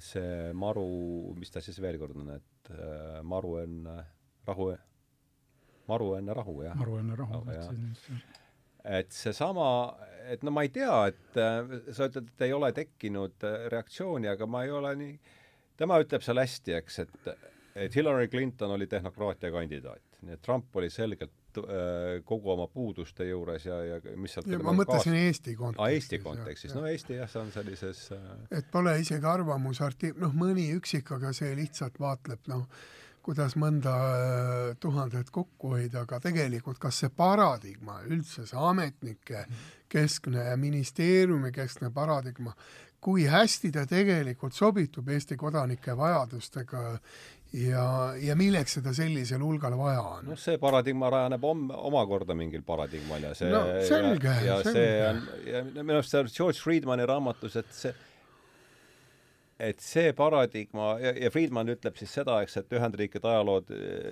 ajalugu jaguneb siis eh, viiekümneaastasteks sotsiaalmajanduslikeks tsükliteks ja kaheksakümneaastasteks institutsionaalseteks tsükliteks ja kahe mm, -hmm. nüüd kahe tuhande kahekümnendad muudavad eriti äh, selliseks hüplikuks see, et ühel ajal lõpeb see äh, siis äh, Reaganiga algus, alguse saanud sotsiaalmajanduslik tsükkel, mida Tõnu Annepalu kunagi nimetas oma artiklis õnnestunud rikaste revolutsiooniks, mis on toonud kaasa sellise suure polariseerumise ja, ja jõuab lõpule see kaheksakümne-aastane tsükkel, institutsionaalne tsükkel, mis siis tekkis, kasvas tema sõnul välja Manhattani projektist, äh, tuumarelv, et nad et kui me suutsime tuumarelva, loogika on, ei ole halb see, et me mhm. suutsime selle süsteemiga luua äh, luua tuumarelva ja sellega võita sõja, järelikult lahendab see ka ülejäänud probleemid, see on see tehnokraatlik mudel ja, ja siis põhimõtteliselt on kolm suurt asja, suur äri, suur riik ja suur siis äh,, suur teadus.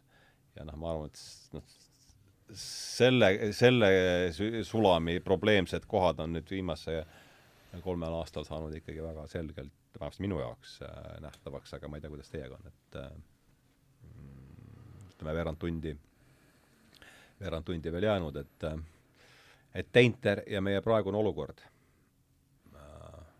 võtame siis, mis, kes tahab alustada?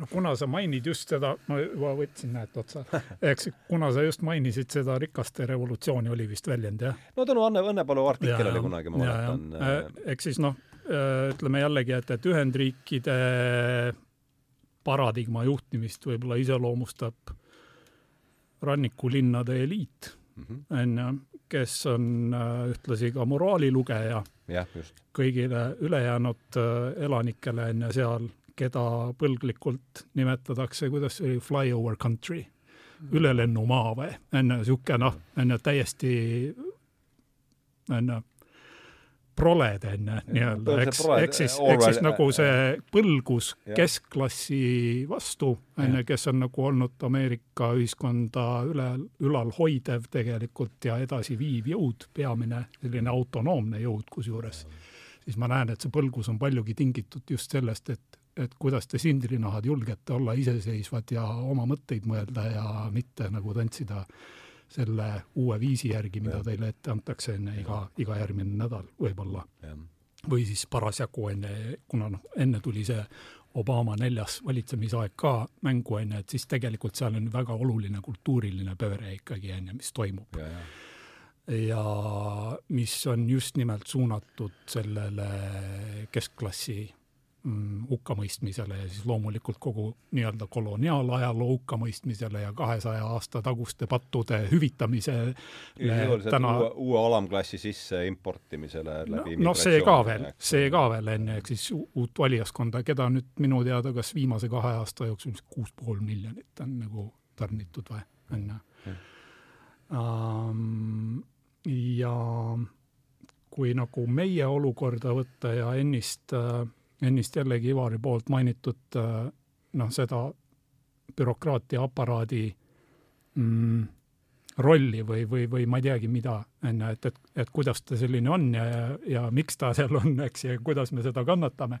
et siis no küsime siis selle küsimuse, aga et, et kuidas siis seda muuta, on ju, et, et jällegi, et, et kui me vaatame neid nii-öelda klassikalisi vahendeid sellise muutuse tekitamiseks, siis need on ju kõik üsna ikkagi vägivaldsed ja äh, ja, ja noh, ütleme sellises rohujuure tasandis mittemeeldivad kindlasti, et, et kui sa siis nende hammasrataste äh, juurde või, või sealt juhtumisi vahele sattuda, on ju, siis keegi nagu neid olukordi tegelikult ei taha. ja enamasti, kui meil räägitakse mingisuguse äh, aparaadi muutmisest, siis selle aparaadi muutmiseks ju otsekohe me agaralt loome uue aparaadi, mis on veel kaks korda suurem kui see eelmine no, see aparaat. kaks tuhat kolmsada lehekülge. ehk siis selleks on ju, et, et tekitada reformi, on ju, et viia ellu, on ju, ühe või teise aspekti reformi, selle jaoks enamasti ikkagi palgatakse armee äh, noh, ametnikke juurde, kes ega kes noh, mingil viisil ei taha ju ometigi selle ameti pealt lahkuda, on ju, kuhugi ja minna nii-öelda tootvale tööle, on ju, et, et kes meist tahaks, eks. istume ka siin praegu puhtas roa, ruumis, eks ole, ilusasti laua taga ja, ja oleme ka otsapidi nagu ikkagi, ütleme, selle samuse paradigma osad, nii et, et, et ma isegi mõtlen ka aeg-ajalt, et kratsin kukalt ja mõtlen, aga, aga mida siis praktiliselt teha, et see muutuks? on ju, mis mulle ei meeldi ühel või teisel põhjusel siis enamasti nagu need muutumise viisid ei ole justkui nagu partek-, parketikõlbulikud või? minu arust esimene asi tuleb ennast kuidagi sellest loost äh, lahti äh,, sellest loost aga, ennast lahti a, haakida. aga lugu on, eks ole, lugu viib meid sinna ähm, see ei ole nii lihtne muidugi. see viib sinna selle poliit-, või vabandust, selle poeetilise keele juurde ja, ja, ja metafüüsilise aspekti juurde, on ju mis on nagu täiesti mängust maas. ehk täiesti, siin hakkame jälle selle Sorokini meelelise ja ülemeelelise kultuuri juurde jõudma, et aga või, või minu arust ka Spengleri juurde. ja, just nimelt, ja, ja see esimesena käis ju Ronke ja Spengleri vastandus äh, läbi siin, et et ole hea, Ivar, jätka siit, et äh, siin kümmekond minutit veel jäänud jah, ma arvan, lähme Teinteri juurde tagasi, ametnikest võib lõputult rääkida ja et et äh, intervjuu annab ka need alternatiivid, mis äh, hoiaksid kompleksühiskondi kokku varisemast, et üks ongi seesama laiendada humanistlikke tehnoloogiaid, mis tähendabki seda, et ja muidugi alati see, et inim-, ka neid ühiskondlikke struktuure, mis tõesti tegelevad inimeste sisulise solidaarsuse ja nii nagu Ja-, Jaan Tõnisson, kes oli üks Eesti riigi loojaid, väga selgelt, et eestlust hoiab koos ühistöö ja koos tegemine.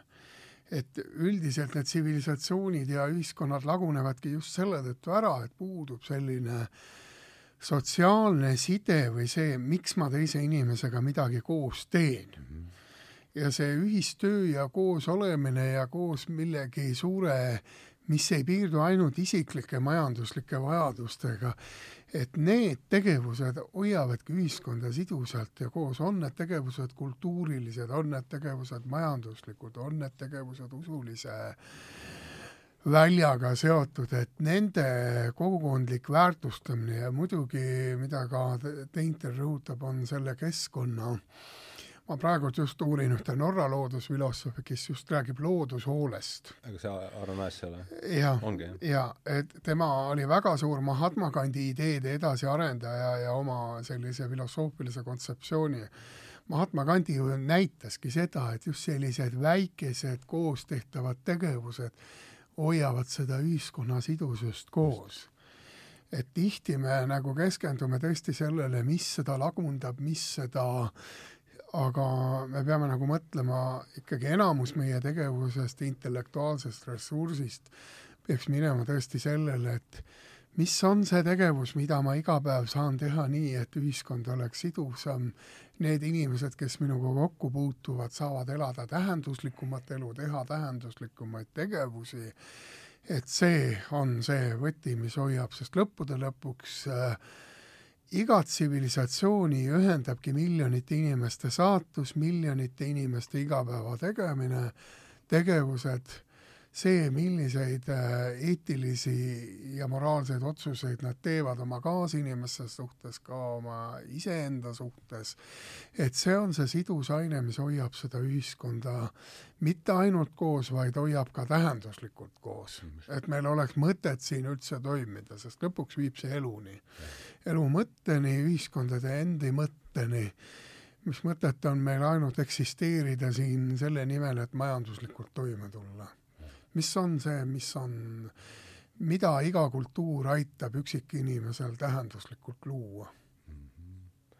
jah, no see tuletab mulle meelde just see, mis sa rääkisid, et see ühiskondliku sidususe tekitamine, et Charles Eisensteini nimi on siin täna mitu korda juba läbi käinud, aga tema liitus siis siin kuu aega tagasi, kauem kui natuke kuu, kuu, natuke kauem kui kuu aega tagasi Robert F Kennedy eh, valimiskampaaniaga, just see keskne sõnum on, et põhiprobleem on praegu see kasvav polariseerumine.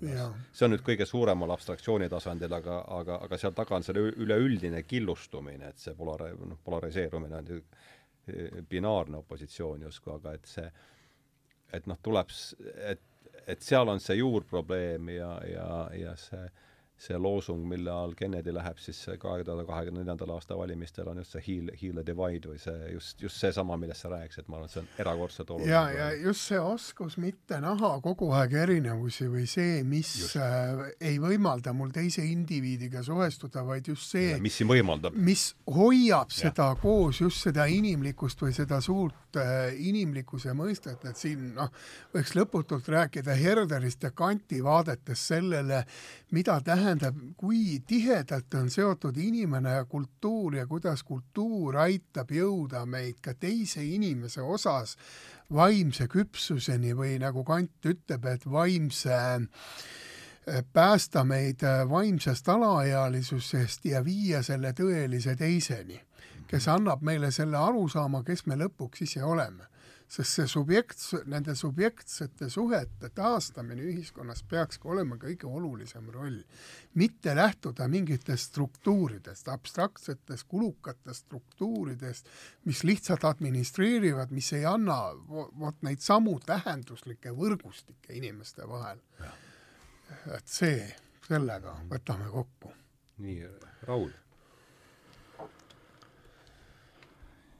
Jaa no meie kultuurikiht on ju üsna rikas tegelikult.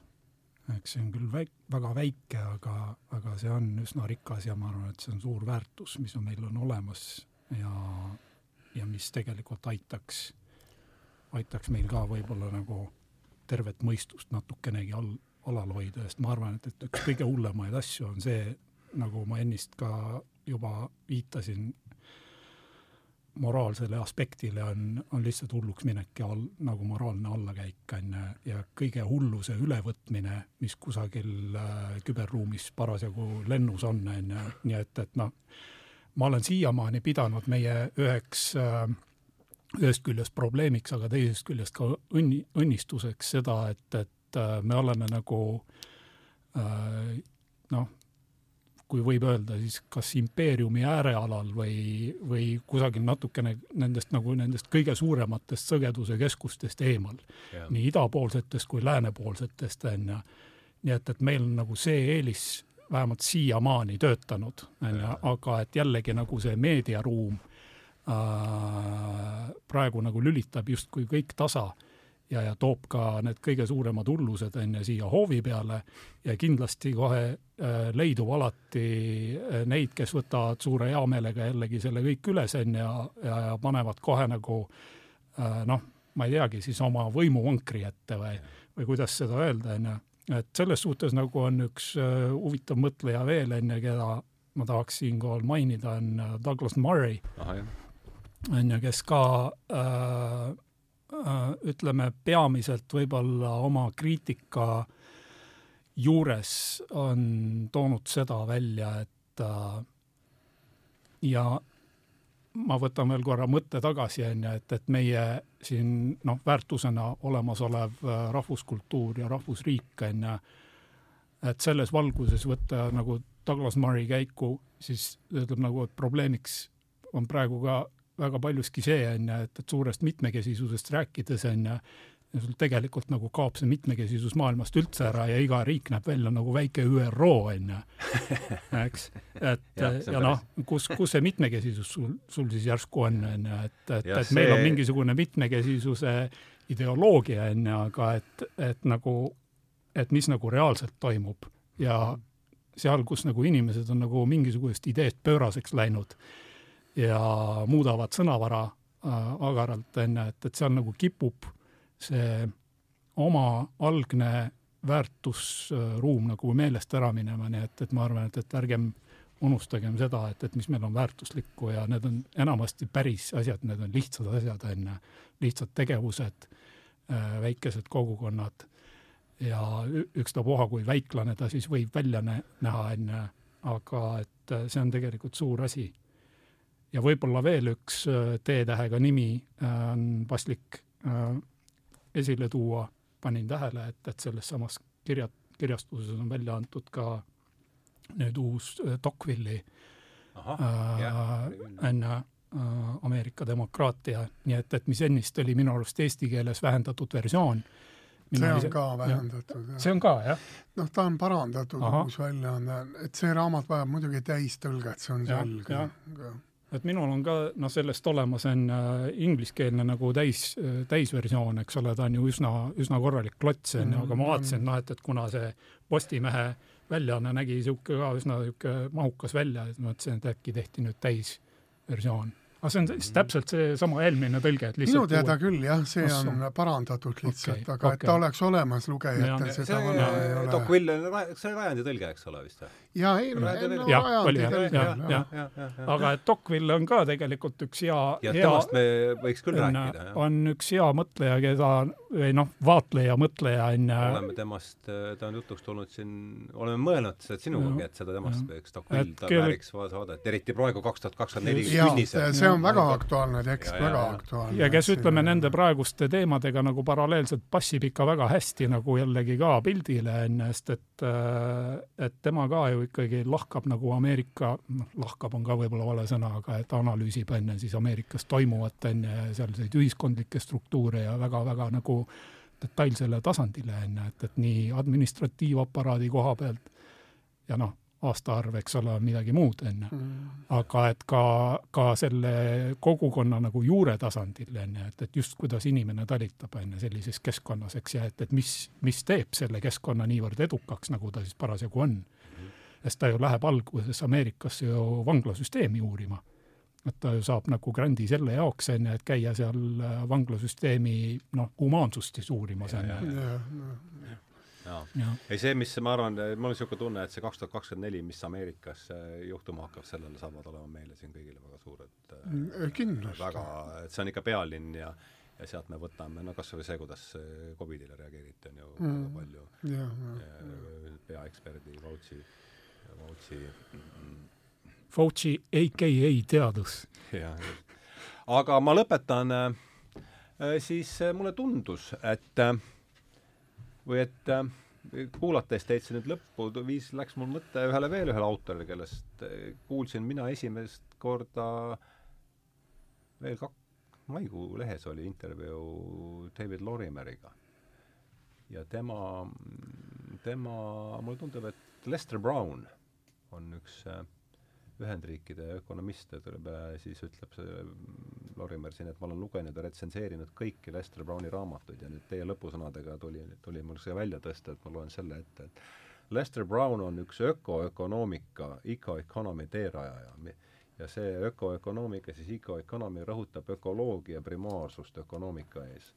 tema arvates peaks majandussüsteem kohanema ökoloogiaga, mitte vastupidi. mulle on tema vaated väga sümpaatsed ja siin tundub mulle see paralleel see Teinteri ettekirjutuse ettekirjutustega, et ta peab oluliseks ökoloogilist regeneratsiooni, detsentraliseerimist, lokaalseid suhtevõrgustikke, väikeste kogukondade vastastikust toetust ja abi. Need on kõik paljuski põlisrahvastelt laenatud printsiibid, mis meil tuleb peagi kõikidel tasanditel uuesti ellu ärgata, ära, ellu rakendada, et mis te ellu rakendada, et mis te sellest mõttest arvate, siis tõmbamegi joone joone, joone alla, et on kaks tundi täis. ühe lausega täielikult nõus. ja mulle see detsentraliseerimise mõte on väga sümpaatne Ja, igas, igas valdkonnas tegelikult ja, ja jällegi korraks tuues tagasi totalitarismi teema, on ju, mis mul jäi nagu viimasest ajast kuidagi natukene ka peasse ketrama, noh, selle, selle tasakaalustavaks või ainsaks Jah. nagu ravivahendiks No ongi minu arust detsentraliseeritud juhtimine on ju.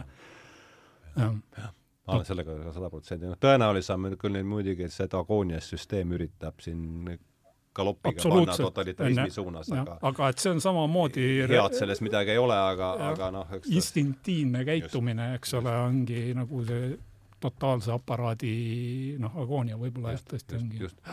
aga tänan, tänan äh, siis äh, tulemast saatesse ja, ja soovin kõigile head suve ja tegemist oli siis tä- Tähenduse teejuhtide saja üheksakümne kaheksanda vestlusringiga ja see siis äh,, siis sellega oleme lõpetanud, oleme lõpetanud kahe tuhande kolmanda, kahe tuhande kahekümne kolmanda aasta kevadhooaja, nii et suur tänu ja Ivar Trööner, Raul Sööt ja, ja läheme lahku veel suuremate sõpradena, kui enne olimegi. ja tänan kutsumast. aitäh!